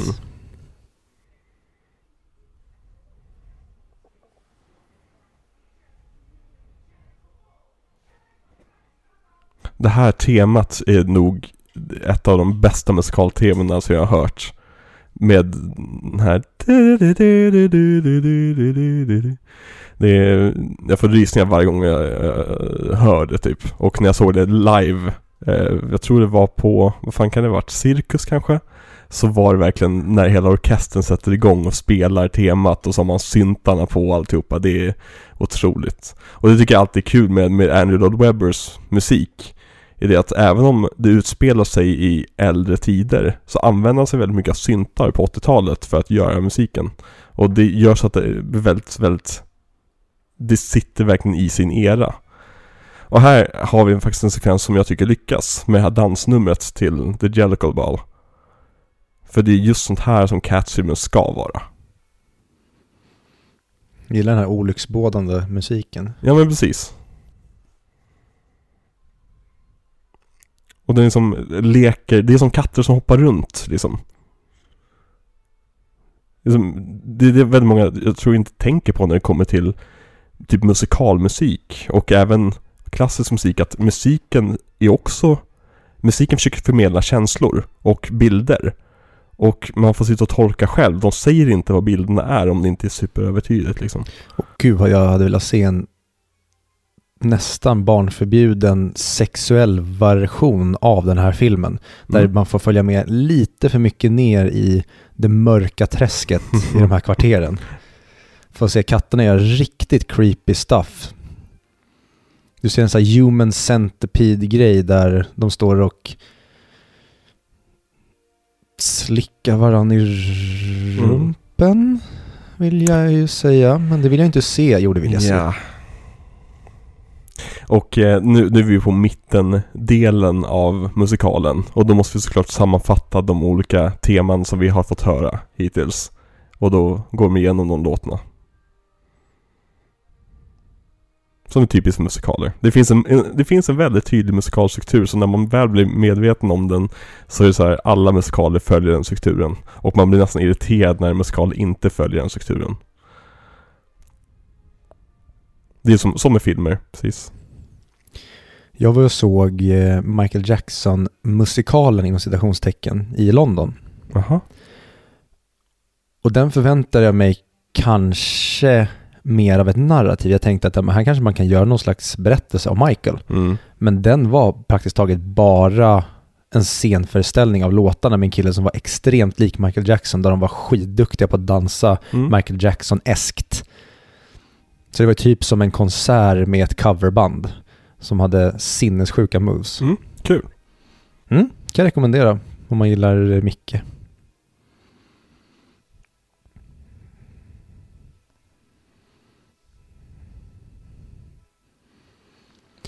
Och allt det här med koreografin och vad det heter hade Mm. ju, jag förstår ju verkligen hur fantastiskt den här måste vara att se live med otroliga akrobater och dansare som kan utföra det här.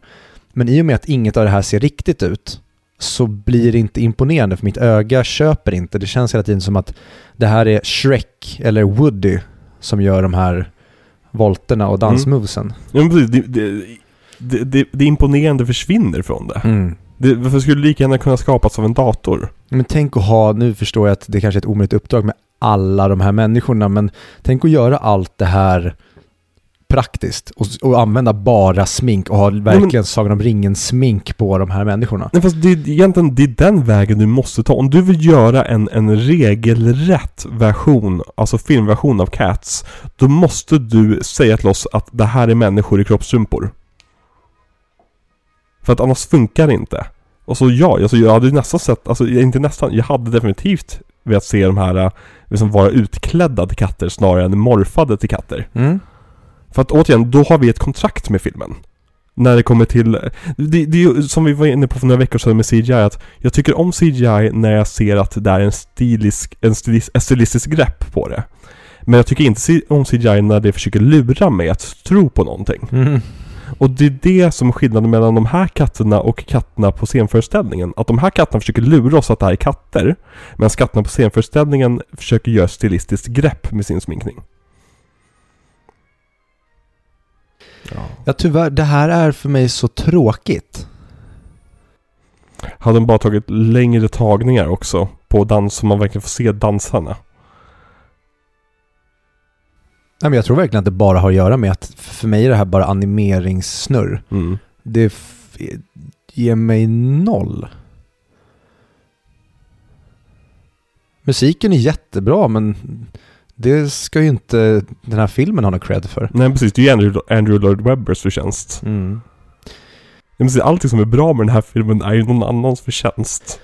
Vad var det vi pratade om när vi pratade om Andrew Lloyd Webber som var efter vi hade sett Tick Tick Boom? För han är ju med i den. Ja. Inte han, men han är med i... En person spelar honom i filmen. Ja. Och sen så var det ju någonting vi pratade om sen där Andrew Lloyd Webber hade skrivit musiken. Mm. Det minns jag inte.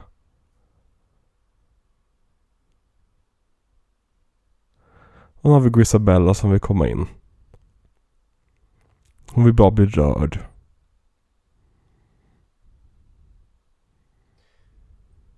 Och här får hon då presentera sitt tema. Men hon vågar liksom inte säga det till de andra katterna. Hon vågar liksom inte fråga om hon får vara med. Kan man säga det som.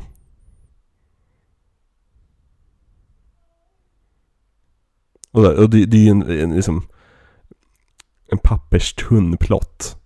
Egentligen. Det skulle ju kunna, något skulle kunna avhandlas på fem minuter i en annan film. Men de måste ju förlita sig på det för det är den enda plotten som finns i musikalen. Ja men och skriv till det då så att vi får en engagerande historia om utanförskap. Ja men precis, exakt. Det är det. Här, du måste fokusera på utanförskapet och den här filmen är inte, vill inte, antingen så får du göra samma magitrick som musikalen och liksom inte få oss att inse att det är det det handlar om. Jag skulle vilja se, de kan göra om den här till en politikvariant. Mhm. Där vi har, den här karaktären spelas av en ung tjej i eh, Rinkeby. Och sen så, Jellicle Catsen, det är alla partiledare och den politiska eliten som bara dansar inne på deras fester. Mm. Och så vill hon bara ha hjälp eller bli insläppt och få en hand in i svenskheten och kanske kunna få en chans i det svenska samhället. Mm. Så, varsågod alla, alla som vill få pluspoäng där ute. Nu har jag gett er den bästa musikalen ni kan skriva. Och så får typ Micke Lindgren och eh, Henrik Dorsin skriva låtarna. Så har vi lite kul.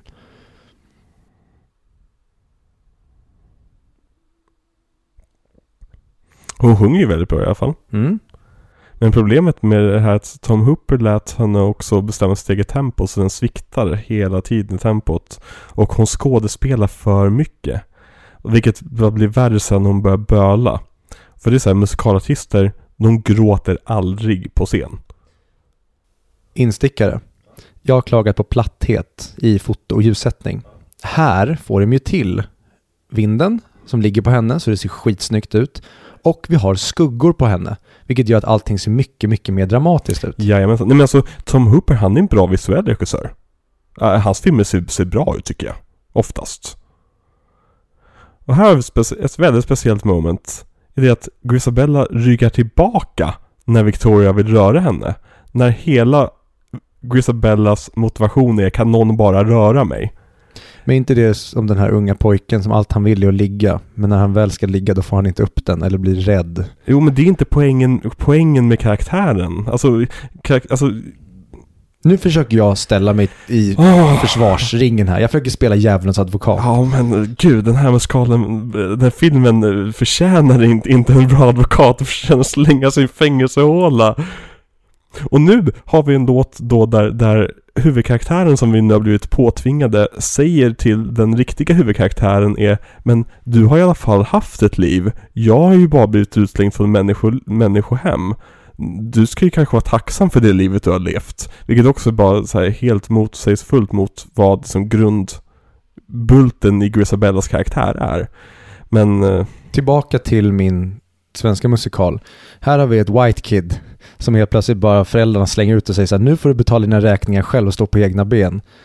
Och nu ska den ut i världen här, men den andra personen, den kom från gatan. Den har lärt sig den hårda vägen och ändå klarar sig själv. Varsågoda. Ja. Tror den kommer bli finansierad av SFI. Oh ja. Vänta bara tills jag färgar mitt hår rosa. Men du att, tyckte inte My om name Great is. Victoria and I'm a producer and a writer. Jag vet inte varför de gick, Britt kan det inte vara. Ja, Tjena! Hej! Jag heter Vic... Ja. Okej. Vi är inte på Patreon än. Det är det vi är. Vi bara gör ett kamikaze-försök här att eh, släppa in. Vi har redan fått kritik för att vi var sexistiska mot Harry Potter-karaktärerna. Sexistiska ser man inte att vi var. Nej, vi var... Sex... Vad fan var vi? Sexuellt trakasserande. Ja men typ. Det var ännu värre än så. Det här shotet gillade jag. Mm. Återigen, en, en jättes, liksom klar, liksom I want-låt på ett ställe som, som besegrar det roliga magitricket med varför musikalen funkade från första början. Andrew Webber borde ju sagt nej till det här. Att skriva den här, han kunde skriva någon annan låt eller presenterat en annan katt kanske bara, eller vad som helst. Men han väljer att sabotera sin egen struktur. Vilket får mig att tänka så här, är det bara jag som har hittat på att det är det som är strukturen? För det är det som är strukturen mer än som. Det är lite grann som, du vet det finns ju en, en fransk författare som skrev en bok helt utan bokstaven E. Och ändå lyckades, och det är ju väldigt svårt på franska liksom. Det är typ som att man skulle göra en filmversion av den, den filmen, och så skulle han skriva ett nytt kapitel där han använder E hela tiden i det kapitlet. hade ju varit jävligt snyggt i en, ett sånt material, tänkte jag säga, i ett sånt verk. Att hela poängen frångår du ifrån i ett kapitel och kanske gör et överanvänt. Mm. Och sen går du bara tillbaka, eller... Men jag förstår vad du menar.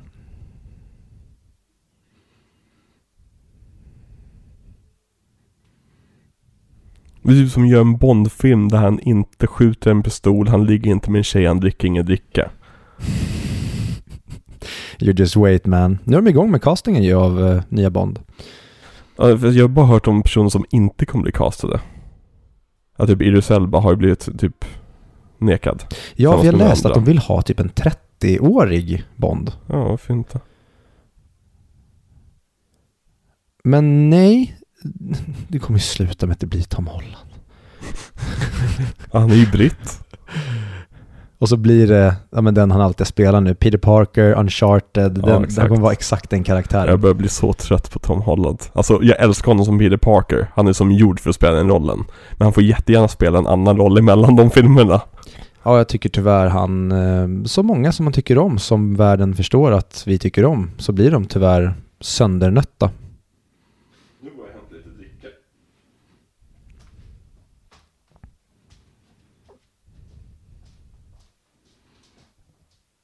Oj.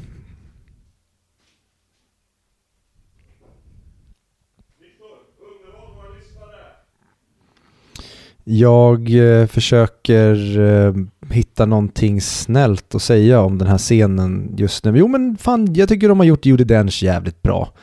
Hon ser inte lika uncanny valley-ig ut som mannen som nu dyker upp. Vi har Gandalf som står i hobo utstyrsel och ser hackig ut.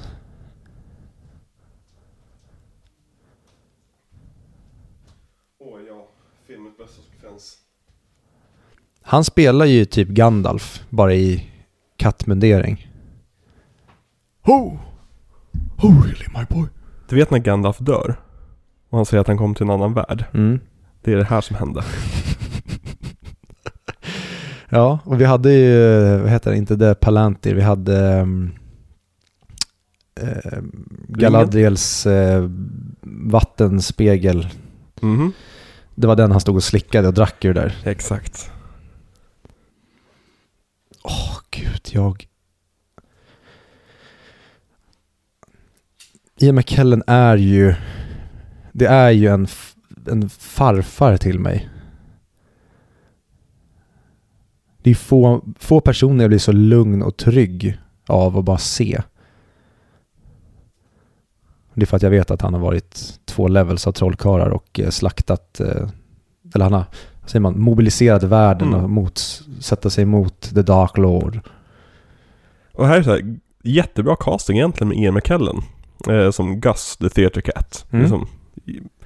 Problemet är bara det att i scenföreställningen så är det en katt, annan katt som sjunger om honom. Vilket får att tänka som, som att det är som så här, ja men hon minns tillbaka på Gus storhetstid. Nu blir han bara en patetisk gubbe när han ska gå runt och sjunga det här själv, om sig själv. Ja. återigen, ett stort jävla felsteg på designstadiet innan du skrev liksom, vad som ska hända i filmen. Det känns verkligen som varenda fel de kunde ha gjort med den här filmen gjorde de. Och så här funkar, och när jag stod där, CGI funkar jättebra på honom. Så länge man inte kollar på ramen runt hans ansikte. Jag tycker om hur svansarna rör sig hela tiden också. Och snart kommer Judi Dench göra det mest creepy du någonsin sett Judi Dench göra. Mm. Men kolla bara hur, som hur ljuset sprider sig genom håret på honom. Mm. Det är jättebra CGI i den här Mm. filmen. För att det var en film som fick så mycket skit av filmens stjärnor på Oscarsgalan. Minns du det? När James Corden och Rebel Wilson gick upp på scen och snackade skit om CGI i den här filmen. Nej. Vad professionellt. Ja, de skulle ge ett pris för bästa CGI. Och så sa de att eh, We should know the value of proper CGI in a movie. Eller något sånt där. Eh, Och det är helt säkert att det var ett hån. Och ja, det var de två liksom. Det var uppenbarligen en referens till Cats. Det var väldigt, väldigt äckligt. Mm. Någonting i mig vill ändå säga att det är väl skönt att de kan skämta om det, ha den distansen till det, men det... det är inte de som behöver ha distansen till dem. Hade någon av CGI-arbetarna gått upp och dragit det skämtet så hade det ju varit okej. Jo, men att det är ändå ett skämt och de har varit ändå ansiktena utåt för den här produkten. Mm. Men jag håller ju inte med om det, men det är väl någonting som någon eventuellt skulle kunna försvara dem med. Mm. Alltså jag hade ju förstått att de hade kritiserat sin egen insats. Ja, och det är väl svårt i just den kontexten att gå upp på typ den största offentliga scenen och avrätta folk. Mm. Jo men det är ju det. Ja, den är ju typ värre än... Nej, okej, Taika har ändå gjort filmen. Det är värre. Vadå, Taika? Nej, När han pissade på sina CGI-artister Mm. för Thor. Jo men han är ändå regissören så han klankar ner på sig själv lite grann där tycker jag. Tycker du? Alltså det är fortfarande ett jävligt fittigt uttalande från honom men jag tycker att det är mer att han som tar lite blame för det. Nu tycker jag inte att Taika gjorde det men jag tycker att det är mer än, än Re- Rebel Wilson och James Corden. Mm. Ja, jag, jag hade kunnat förstå det om det var så att han sa att det är mitt fel att det blev som det blev, Mm. men jag minns det som att han bara sa att CGI var dålig och inte la någonting på sig själv. Ja. Nej men, nej men det är så jag minns det också. Jag menar att det som, oavsett vad hans intentioner var, så blir det ju så att han får blame för det. Men Rebel Wilson och James Corden kommer ju helt och hållet undan från det. Ja. Eh, vad håller Ian McKellen på med? Ja, eh, han har sleepwalkat sig runt i den här eh, sången genom att ändra tempot om och om igen. Så att eh, orkestern inte kan hänga med så att... Jag hade älskat att se Pelle Svanslös estetiken i den här. Mm, Eller älskat. där gör hon det. Visst hade du alltid velat se Judi Dench lyfta på benet på det här sättet? Ja. Din, din farmor. Mm. Verkligen. Fan, Ian McKellen är ju för mysig. Ja, och Judi Dench också. Ja. Det är ju verkligen typ eh, Englands farmor och farfar. Ja men precis. Ja. Ja, nu kommer eh, det roligaste i hela filmen. McCavity. Vad håller Idris Elba på med den här filmen? McCavity! Men- Jag ska också börja så när jag går ut från ställen. Alexander! Åh, ja det här är nog en av mina favoritlåtar också. Återigen, han som sjunger det här är en professionell dansare. Så han krävde också att få klick i örat så han vet Så han vet vad tempot är.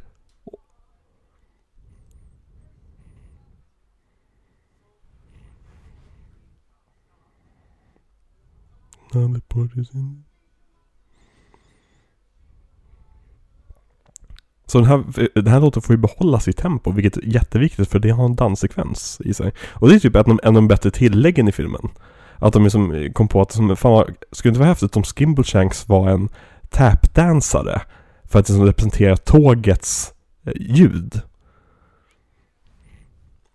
Däremot designen de gett Skimbleshanks är så här, kommer han direkt från en klubb i Östtyskland på eh, 80-talet eller?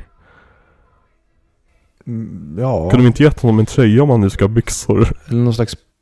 Han, har, han lånade någon koндuktörs för han ville vara Super Mario. By the way, har du sett bilden på hur ehm, Robert Pattinson såg ut i The Lighthouse med färg? Nej. Han ser ut precis som Super Mario. Hans Ja. kläder är röda och blå. Ja, nice.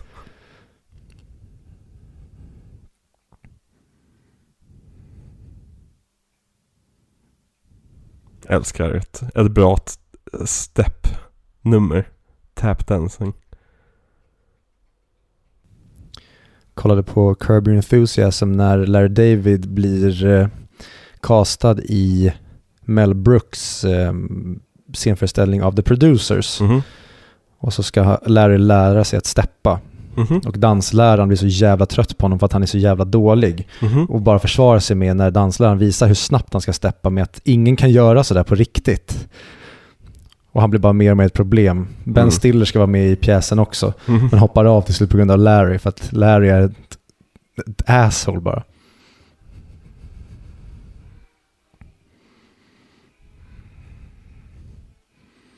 Oj, det ser verkligen ut som att han är där. Mm.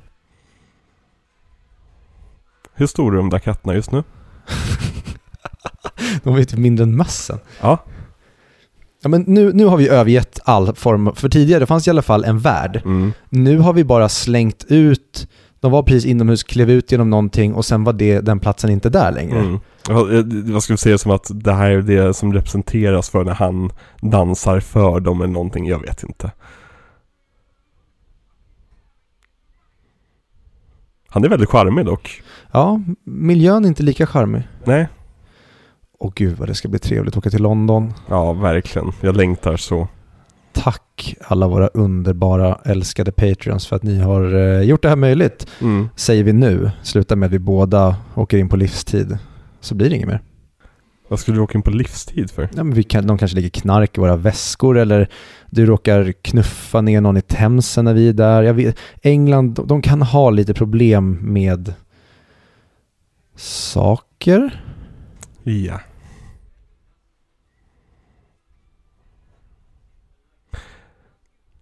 Men har du märkt det? Till skillnad från nästan alla andra musiknummer i den här filmen så har det här numret inte tappat tempo. För att den håller sig i tempot. Det är så jävla viktigt. Alltså, Tom Hooper... Det, de här reglerna man har kring musik, om hur man ska göra musik och vad som är viktigt att tänka på när du dansar och sjunger samtidigt och så vidare. De finns ju där för att det har varit liksom en tusenårig tradition av att folk har testat sig fram och se vad som funkar.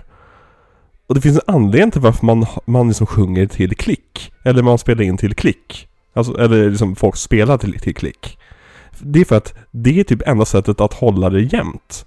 För att om en person får, om en person får bestämma tempot så blir det oftast så att de antingen ökar tempot eller sänker tempot. För att det är så vi människor funkar. Vi, har liksom ingen inneboende tempokänsla egentligen. Det är något som kan tränas fram. gud vad du låter konservativ. Kan man inte bara se det som att Tom Hooper är väldigt progressiv och försöker bryta reglerna och skapa nya mönster inom hur man skapar musik och Mm. musikaler? Vad händer? Han snurrade upp sig i luften. Så nu är vi helt plötsligt i någon slags Grindelwald-värld här. Ja. Det är lite Harry Potter. Ja, nu kommer en till väldigt, väldigt bra låt så.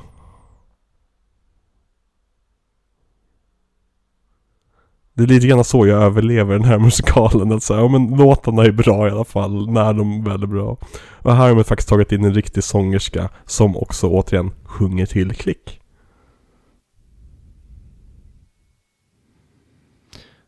Och här blir ju tusentals unga flickor väldigt, väldigt upphetsade. För jag tänker att det bara är unga flickor som har den här sjuka relationen till Taylor Swift. Har man det fortfarande då? inte Taylor Swift lite avdankad? Det har jag ingen aning om. Jag vill bara minnas det som det. Ja. Om någon hade sagt till mig liksom att en av dina favoritsekvenser i Cats-filmen kommer vara Taylor Swift innan jag såg den. Så, så här, eh, ursäkta? Men så visade det sig att resten av filmen var bara så pass dålig att Taylor Swift liksom lyfts upp. Hur tror du hon kände när hon sen såg slutprodukten? Hon har legat där och varit, du ska vara lite sexig nu, men ändå lite glimten i ögat. Har, har hon en aning om hur hon kommer se ut när allt är färdigt? Det känns inte som det. Nej.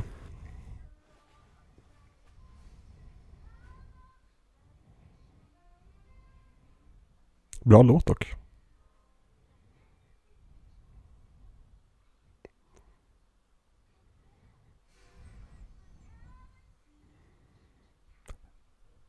Ginger Cat. Så, så, såg McCavett ut som Ginger senaste gången du såg honom? Nej. Däremot kan man använda de bokstäverna i gin... Nej. Eh.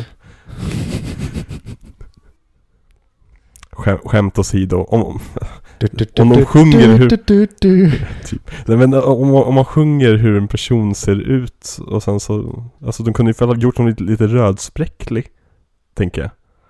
Alltså nu så här, jag har inget problem med Idris Elba i den rollen. Han, han, han har han, skulle, han gör det som någon skulle kunna göra med den så att säga.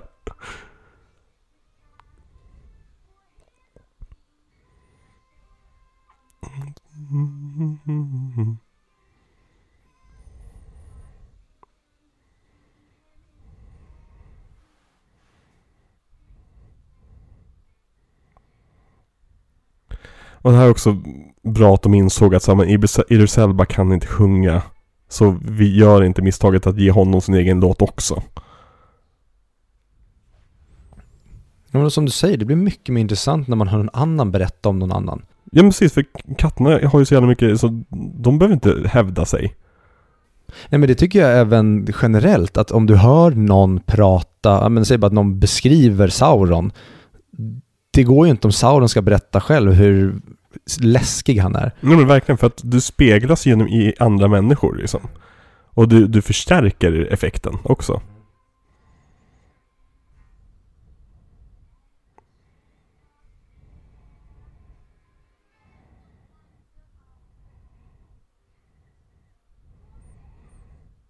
Åh nej. Det känns som det här brottet skulle vara väldigt lätt att stanna. Med tanke på att det enda hon gör var att ställa sig och sjunga. Men ingen, ingen som går fram och som tar tillbaka sin chef. Men i och för sig så blir de ju drogade med catnip så. Hade också varit väldigt kul att se någonting mer visuellt då. Ge oss en knarkig scen. En knarkig sång när de ändå blir drogade. Mm. För den är ju rätt knarkig liksom. De här som olika delarna som den här fulla orkestern och sen som den här, ja. Mellanbitarna.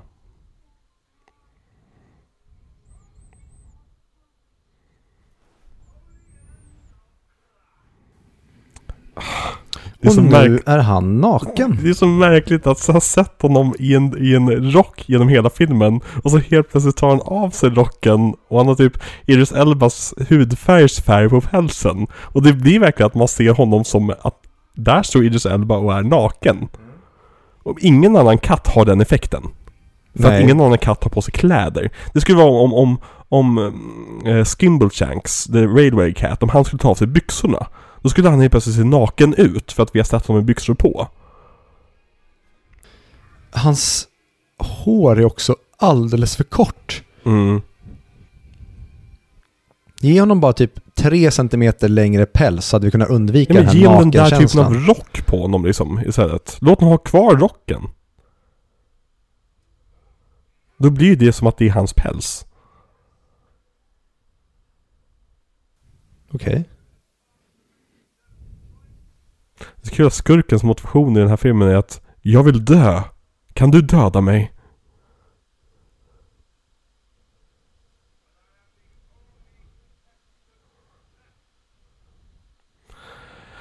Ja. Jag förstår inte att de som ligger på golvet är drogade. De, Nej, de- spelar inte det. De beter sig precis som vanligt. Det är bara att de helt plötsligt har väldigt trötta armar.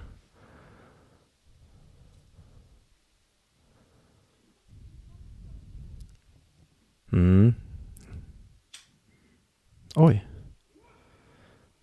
Han slog henne.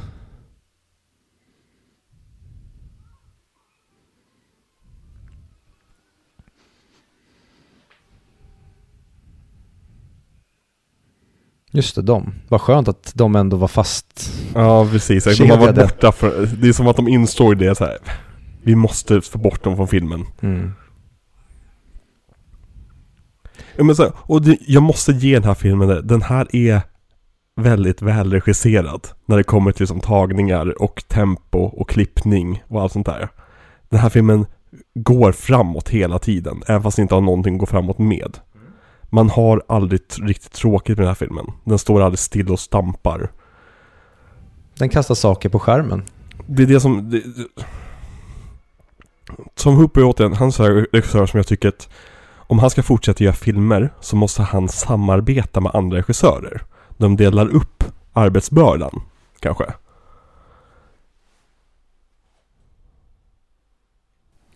Eller kanske köra bara mer grounded projekt.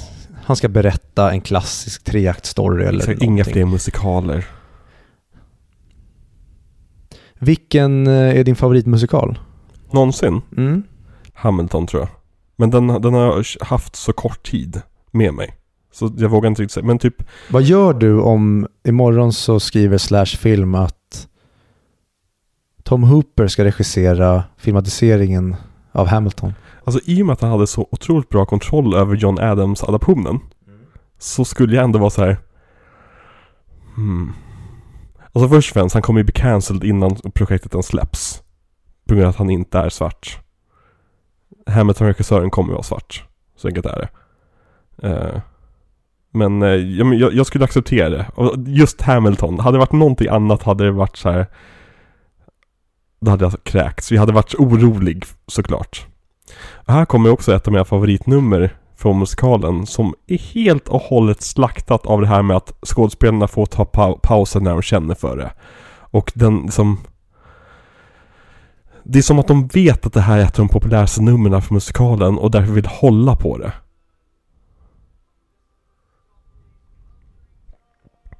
Och sen så också är det så att i musikalen är det en helt annan katt som sjunger här. Det är hans bästa kompis Rum Tum Tugger som sjunger det om honom. För att hypa upp honom för publiken.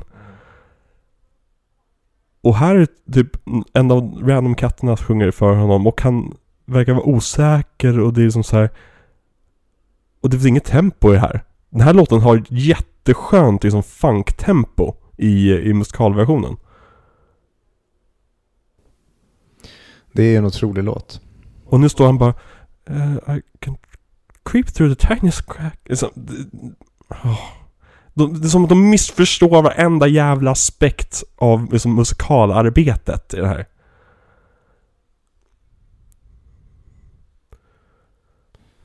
Vad är det med hans händer? De har människofärg med lite vitt puder Ja. på vissa ställen. Precis. Det är den lösningen de gjorde.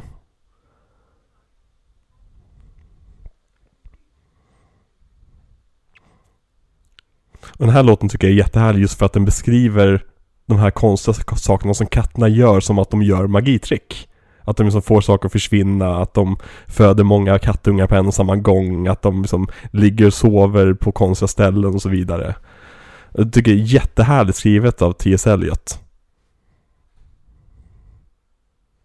Ja, och nu så Ska, det- ska, ska det inte vara en låt här? När man sjunger den där strofen till musik kanske?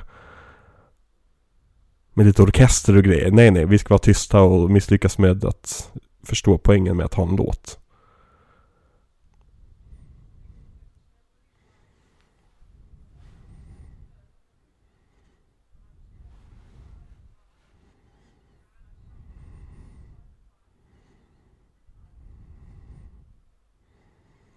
Och det här funkar verkligen inte när, när han sjunger om sig själv snarare än att någon annan försöker hypa upp honom. Och speciellt när har gjort någon mer osäker än vad han är i originalmusikalen. För då behöver han ju en, en hype man ännu mer, tänker man. För att i musikalen är han lika självsäker som alla andra katter liksom. Mhm.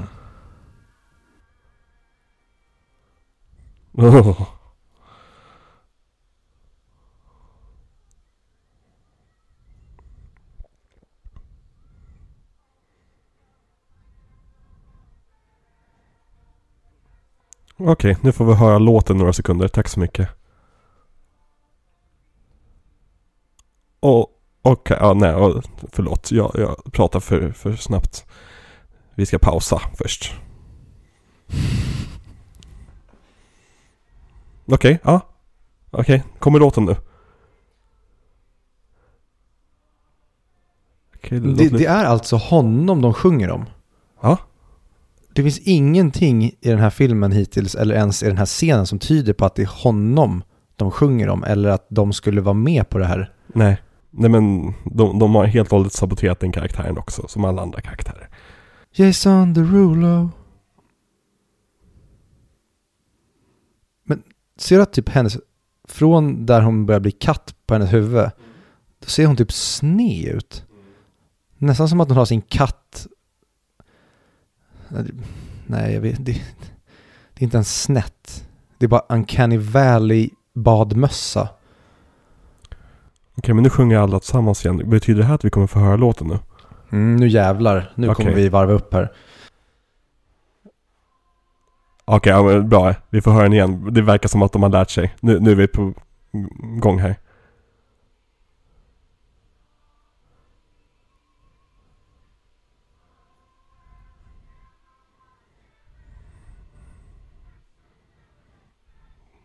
Mr. Mustafa Lee. Åh oh, nej.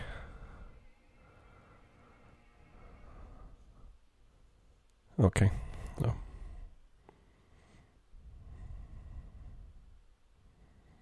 Nej, jag är lika besviken som du.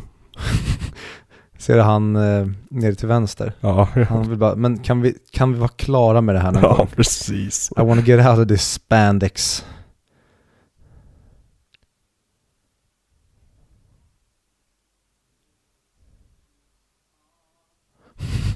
Mm. Hon har så bra sång. Judi Dench. Okej, och nu, Ja, nu våga inte Ja. pausa en enda gång till. Nu slutför vi det här. Ja. När jag har slösat bort Och de Allt som var roligt med låten. varann, eller? Oj.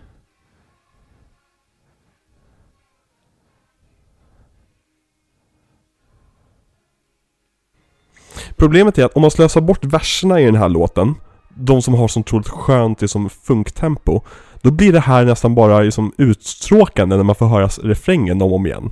Alltså grejen med en refräng som upprepar sig på slutet av en låt, det är det att det kommer som finalen på någonting. Men i och med att vi har styckat upp hela det här jävla numret i pauser, så är inte det här finalen på någonting, utan det här är bara låten nu. Det är som att de har glömt att skriva fler, fler textrader. Helt plötsligt.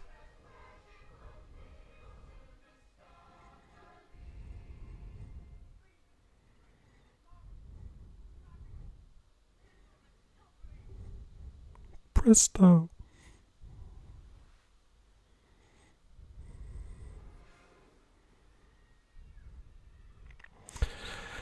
Ja. Ska de hångla lite? Ja just det, vi har den här plotline att wrap upp också.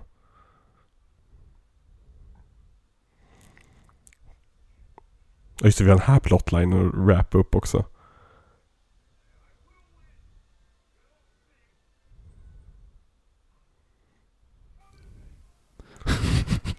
Det här är så otroligt Jag älskar dålig fysisk koreografi eller när, ta typ någon som spelar en superhjälte, där de inte har haft en person som har lärt dem att springa som en superhjälte. Eller de filmar på ett sätt som gör att det här ser inte ut som att du är stor och mäktig och vi har som respekt där för dig. typ. Ja, eller som när Idris Elba rörde sig där innan han försvann. När han trippar fram. Alltså Ray Winston, vad, vad, vad, vad gör de med dig? Vad är det som händer här? Det är kul att steppningen är det som vinner mot... Okej. Så kul om han tappar balans och ramlar ner också. Eller att de tycker att han också borde...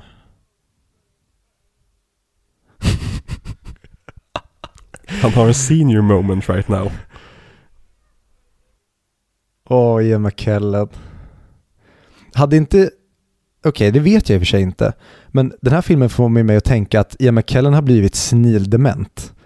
Och ändå ställt upp på den här. Så när han dyker Ja, upp på typ. inspelningen så de bara, vad har hänt med Ian McKellen? Han börjar bli den här, ja men den klassiska Alzheimers patienten eller Mm. den dementa gubben där typ gammal rasism som fanns i ungdomen, den kommer upp till ytan igen och den här sexismen och hatet mot ens föräldrar. När det bara ploppar upp för att man är helt väck. Det är så känns Ian McKellen i den här och då förlåter jag honom. Därför jag behöver inte förlåta honom alls, men då förstår jag vad det är som händer mer.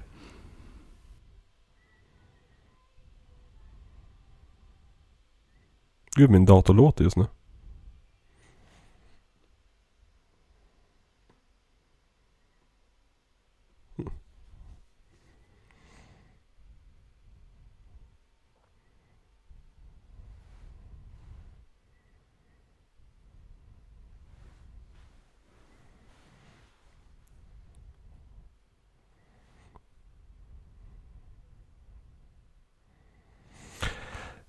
Och för er då som kanske Mm. lyssnar på det här men inte tittar på filmen samtidigt. Så har Victoria gått ut och hämtat Grisabella och smekte sig mot henne, vilket förstör lite av en poäng som kommer sen i eh, Grisabellas stora nummer när hon sjunger Touch Me. Eh, Men, men det bryr vi oss inte om, för vi bryr oss inte om någonting som har med musikalen att göra när vi gör den här filmen. Vem är den där tjocka katten till höger? Han har dykt upp lite där och där men har inte fått någonting att göra. Fanns inte rendering för honom. Ja, precis. Och, nu kommer katten, den vuxna katten och säger emot att nej men hon får inte vara med, vilket är också... Ja, nej. Det kan inte vara det att det är en katt som godkänner och resten av katterna säger nej, utan det måste vara att en katt godkänner för att alla katterna säger ja. Jag vet att jag övertänker det här, jag vet, men det är som... I och med att pjäsen har en sån bas, alltså det, det är sån grund jävla nivå på, på Cats överlag, så är det det enda att hålla fast i när det kommer till tematik egentligen. För att det är hela, hela, hela magitricket som jag har varit inne på flera gånger.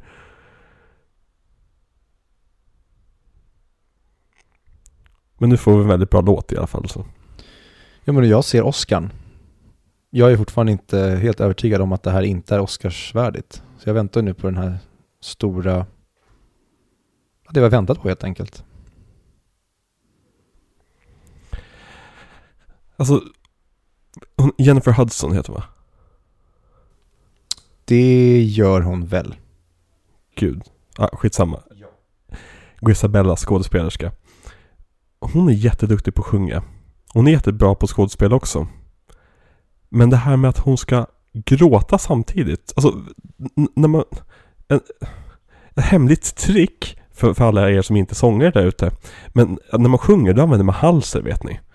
Och när du gråter, då fyller du halsen med slem.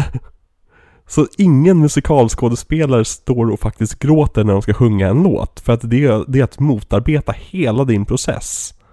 Däremot får du låtsas gråta. Du kan göra så att dina, dina, tår, dina ögon tåras till lite grann och du kan vara en bra skådespelare. Men du får inte börja gråta på riktigt för då, då, är det som, då handikappar du dig själv. Det är som att du, du, om du skulle vara en gitarrist, att du drar av två av strängarna på gitarren. Men det förstår inte filmregissörer när de ska göra musikalfilmer.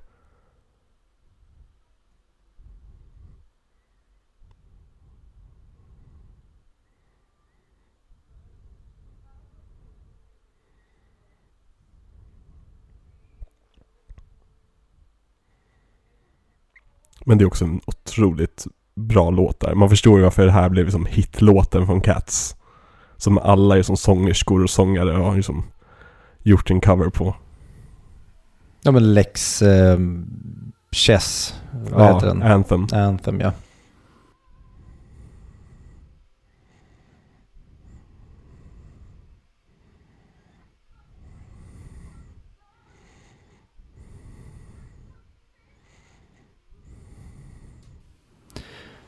Men filmen har ju inte behandlat det här på väldigt länge och den har knappt behandlat det så mycket alls. Mm. Så det här känns ju inte. Dock gör hon ju ett väldigt bra jobb. Hon tar Mm, ju i precis. så hon håller på att spricka men tyvärr så har filmen inte förtjänat det här. Hon, hon gör liksom ett bättre jobb som skådespelare än som sångerska i den här scenen. Ska jag säga.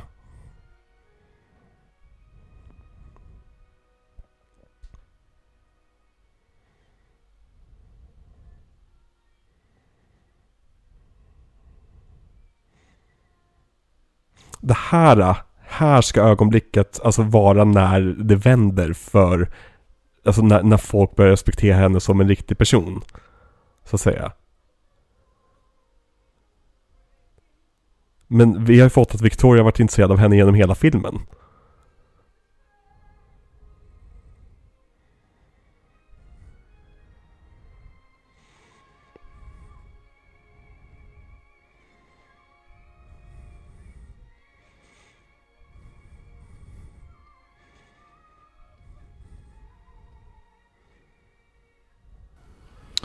En jävla pipa. Ja, verkligen.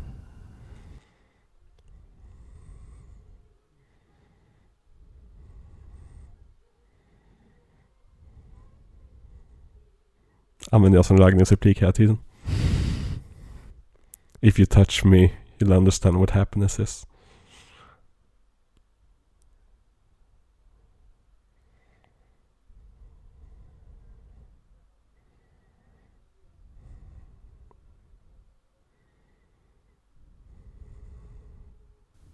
Det är ändå märkligt att vi sitter här typ och respekterar det för vi säger ingenting. Ja, nej men alltså det är ju det är, det är en väldigt kraftfull scen. Alltså det här, det här är ju som... Hade filmen hållit den här kvaliteten genom hela filmen, då hade det ju varit en bra film. Mm. För att det här, det är som... Det är det här scenen man går på bio för att se den för. Och det ska ju hon ha stor jävla cred för. Att hon liksom lyckas lyfta den här skiten.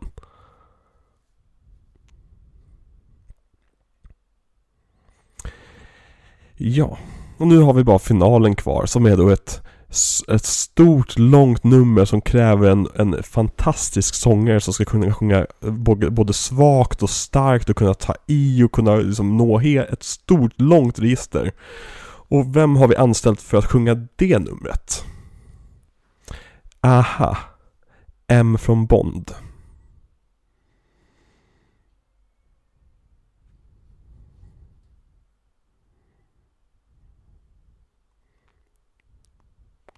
Jag tycker, jag, jag kan fortfarande inte släppa hela den här grejen att det, det de tävlar om är att få dö.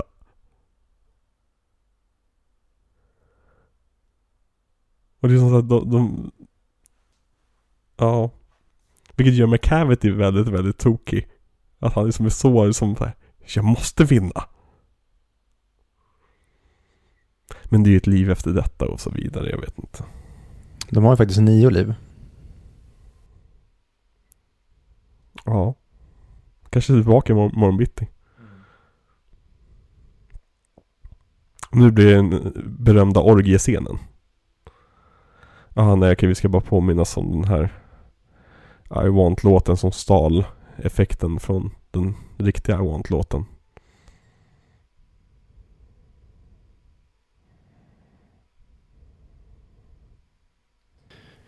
Judi Dench blev nominerad men inte vann väl för Belfast? Mm. Ja, precis. Karen Hines blev nominerad och vann va?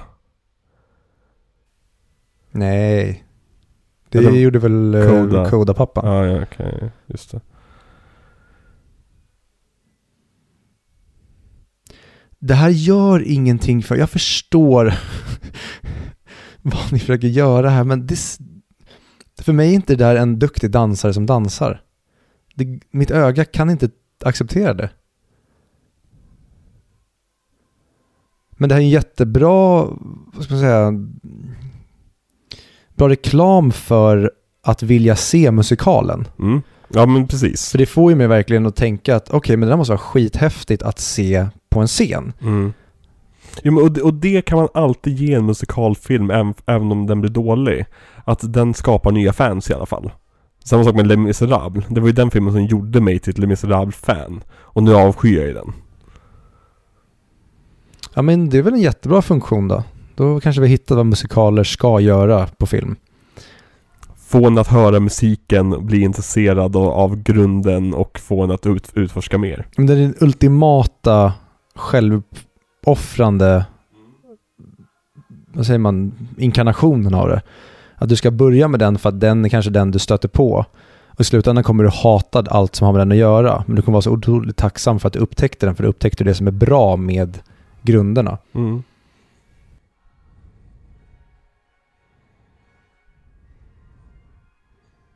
A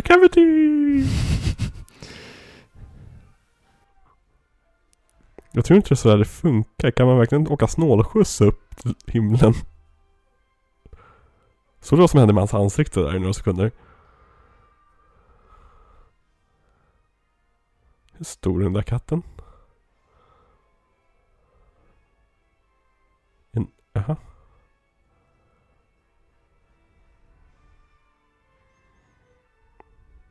Det här temat är fantastiskt, tycker jag. Kan inte vi reenacta Cats när vi åker till London? Göra de här grejerna de gör nu. Jag trycker in lite mat i din mun. Ja, det låter bra. Jag sätter mig uppe på lejonhuvudet. Och där har vi helt plötsligt mitt fängelsestraff. För jag kan inte tänka mig att det skulle vara allt annat än väldigt brottsligt. Nej, det tror jag inte. Det kanske bara frowned upon. Ja, precis. Du får ju istället stryk av massa britter.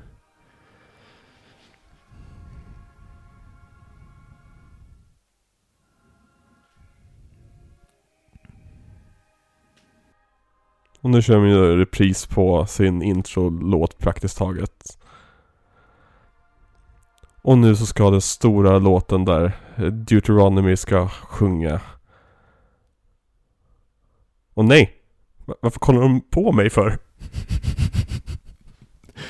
Och de, Ja. de kollar på henne som att, eh, Judy, vad gör du? She's sundowning. Ja. Bara valet att göra den här låten. Alltså den här låten är verkligen så här, den är majestätisk, Viktor. Det är liksom... Och så har hon henne pratsjungandes mot kameran. Och han spelar Monkey Strap ser otroligt kåt ut på Judi Dench. Men hon spelar Victoria kan inte fokusera, de som kollar bort hela tiden. Ser du det? De kollar ner i golvet.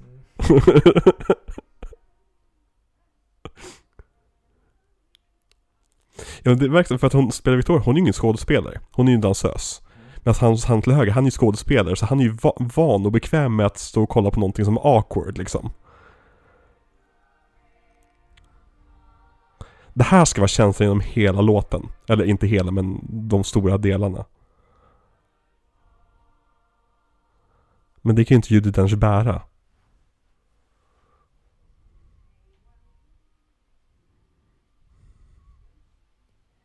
Ja, nej, jag skulle komma till men medan hon spelar Victoria, hon är ju inte van vid att kolla på någon som där blir awkward. Så hon kollar bort och liksom är osäker på sig själv. Men hon står ju och går igenom vad hon ska göra snart. Så här, när är min tur? När är min tur? När är min tur? Vad ska jag säga? Vad ska jag säga? Shit, jag glömde vad jag ska säga. Nu kommer jag på vad jag skulle säga. Eh, vart är hon i sin del? Helvete. Vänta, vad sa min tränare om att äta bröd? Får jag äta en wrap till lunch? Mm. För hon är så jävla uttråkad.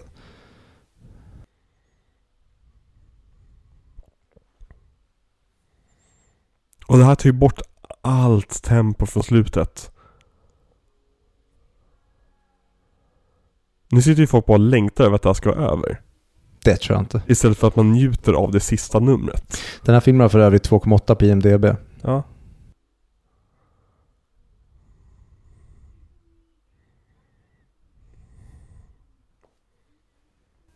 Första gången jag såg den här, då tyckte jag ändå att det fanns ett enormt underhållningsvärde i den. Men det kanske var den första chocken. Den här gången tyvärr så känner jag typ inte att jag vill återbesöka den.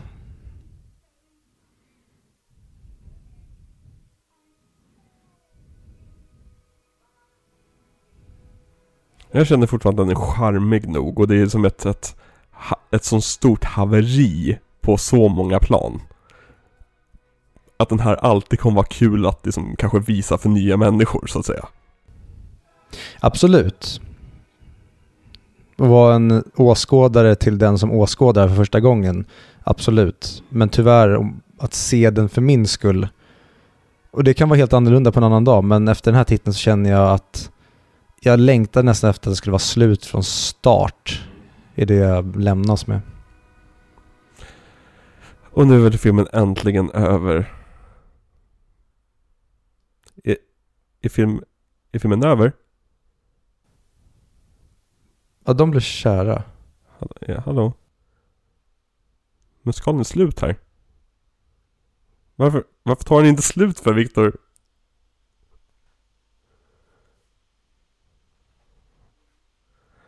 Jaha ja. Hon är en sann Jellicle Cat. Åh, oh, är jag? A dear little Usch. cat. Okej. Och det krävde...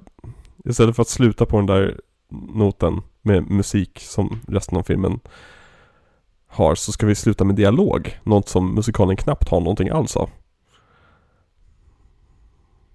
För Tom Hooper förstår det här med musikalen och struktur. Fin bild dock. Väldigt CGI men fin bild. Ser ut som såhär eh, desktop background på en dator. Så ja. Ja, det var Cats. Vad har vi att säga? Jösses. Nej men alltså... Ja. Alltså, så, jag brydde mig knappt om CGI den här gången. När man, när, det, jag tror första gången man ser så blir man chockad över hur det ser ut. Just på grund av designvalen. Och det, det vill jag verkligen poängtera att CGI är inte särskilt dålig i den här filmen. Det är bara det att den är omöjlig. Vilket gör så att vi inte, inte tror på någonting. Mm. Men den är så jävla oeng- alltså, oengagerande för att till slut så är det bara dåliga varianter utan, dåliga varianter på väldigt bra låtar med en film som inte har ett narrativ överhuvudtaget. Vi- Det finns ju en scenföreställningsversion av den här från 98. Mhm. Som vi borde se. Det, men jag skulle vilja se... Jag vet, vet inte om jag skulle vilja se den för jag ser den live. Mm, det kanske är bäst att hålla den. Den går säkert. Vi, vi kan kolla om den går i London när vi är där. Det hade varit nice. Se den på West End. Det hade ju varit klassiskt. Men eh, ja, nej men alltså. Vad fan, den här går ju Globen i höst. Gör den? Ja, ska vi gå och se den? Typ. Om vi kan lyckas få tag på bra biljetter för en billig peng. Vi kikar. Ja men definitivt. Jag är på. Definitivt. Okej, betyg då? Betyg, alltså. Jag tycker den här, miss, den här misslyckas med konceptet att vara en film. Eh, den här får en halv av fem. Mm. Alltså det, det, jag kan inte vara mer positiv för att den här Den här Den här missförstår sitt grunduppdrag. Alltså vad den ska göra. Den missförstår grundmaterialet Och den missförstår varenda liksom arbetssätt att komma fram till en poäng med grundmaterialet. Så den här, det, det är ett totalt misslyckande. Även fast jag ty- tycker om att kolla på den Jag har inte så mycket att tillägga. Det, ehm, det är ett, det låter, så, ta, eller, det låter så argt att säga att det är ett haveri. Det är ju ett haveri. Det, Men det, det- det här är bokstavligen, det här, det här är som the definition av ett haveri. Jag tycker, ja, men jag tycker det låter så argt. Jag tycker mest synd om vad det här Mhm. blev och för alla inblandade att det här till slut blev av. Mm. Men samtidigt är det ju en, jag har haft väldigt roligt med den första gången vi såg den. Jag, nu blev det inte så många gånger under den här titeln, men första gången satt jag typ var femte minut och bara sa Vad är det som händer, Alex? Ja, nej men det är... Den här filmen skulle aldrig ha gjorts. Det här är som ringen som Sauron eh, craftade i Mount Doom efter han gjorde de första ringarna liksom. Det är... Det är ett, det är ett failed object. Mm. Vem är filmens MVP? Hmm. Idris Elba. Han är den enda som är galen på Alltså- ett bra sätt. Alltså han, man är ju roligast med honom. Ja. Det är alltid kul när han är med.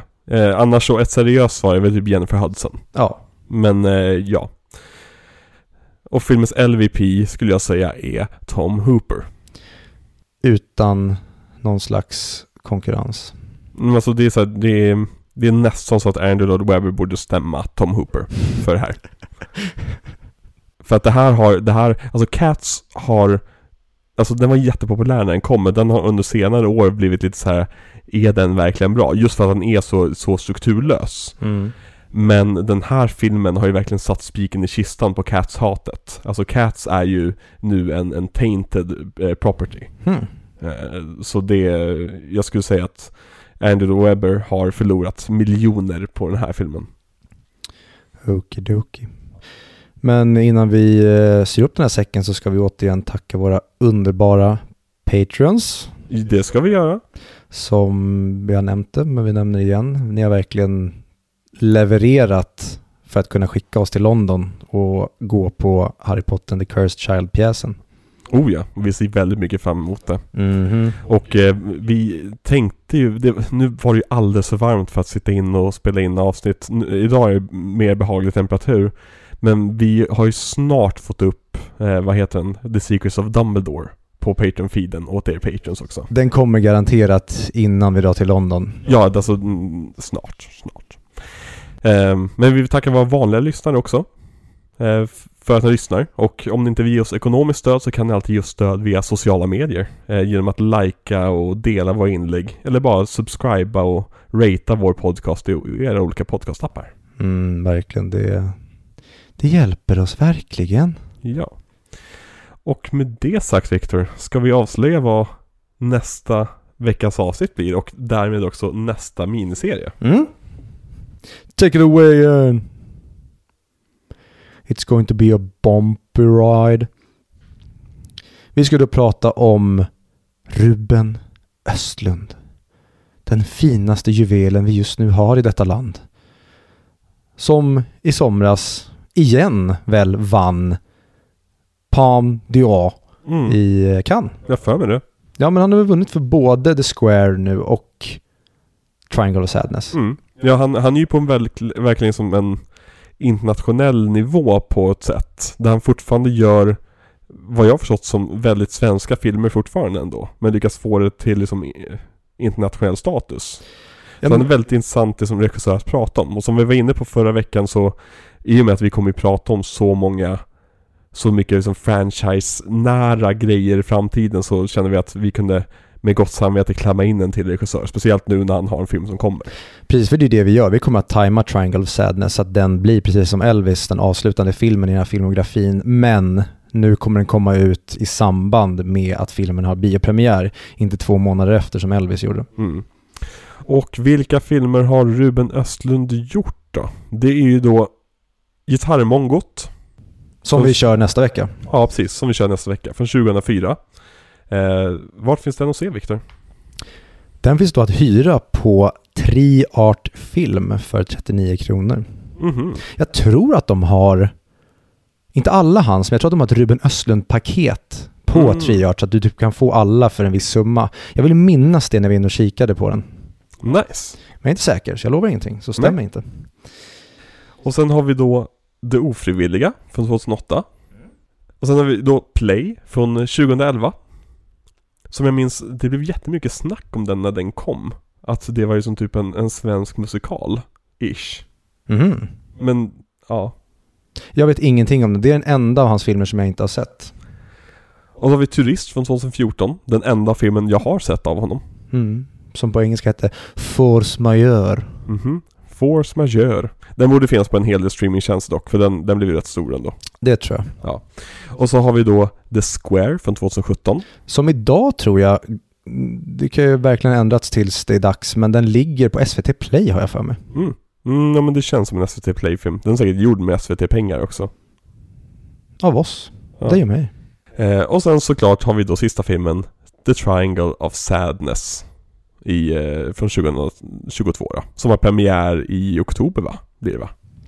Det låter ju som att det stämmer, eller så i slutet på september. Nej, nej det blir oktober för att sen har vi mellanakt precis efter och det är ju en oktoberfilm. En väldigt oktoberig film. Men kommer den i samband med... Eh, den, den kommer typ en vecka innan. Ja, Okej, Eller två veckor innan. ja men då så. Vi ska prata lite skräckfilm på, på den här eh, feeden i en kommande mellanakt. Och här har vi en slags som nu efter texten slut och då börjar den ba- behind the scenes grej. Ja, ja. Eh, men tack så jättemycket återigen för att ni har lyssnat. Viktor, har du några avslutande ord? Vad ser du fram emot med Ruben Östlund? Det kan vi, vi ska ta nästa vecka istället. Det gör vi verkligen. Ja. Med det så vill jag bara säga då att The Triangle of Sadness har biopremiär den 7 oktober. Ja. Och jag tror vi pratar om den typ veckan efter eller något sånt där. Det är något sånt. Så vi får lite tid att se filmen och göra lite research och också spela in avsnittet. Och klippa avsnittet. Det kommer vi inte ha tid med i december kan jag säga. Det kommer vara ett avsnitt där som med vår nästa regissör när hans nya film kommer som vi kommer ha typ tre dagar på oss. Men det är en utmaning som vi jättegärna gör för er lyssnare. Vi får väl se. Ja. Ha en fin kväll, eftermiddag, dag eller vad ni nu väljer att ha. Ja, men det säger vi. Nej, nej, nej, nej. Det finns bara ett sätt att avsluta det här på. McCavity!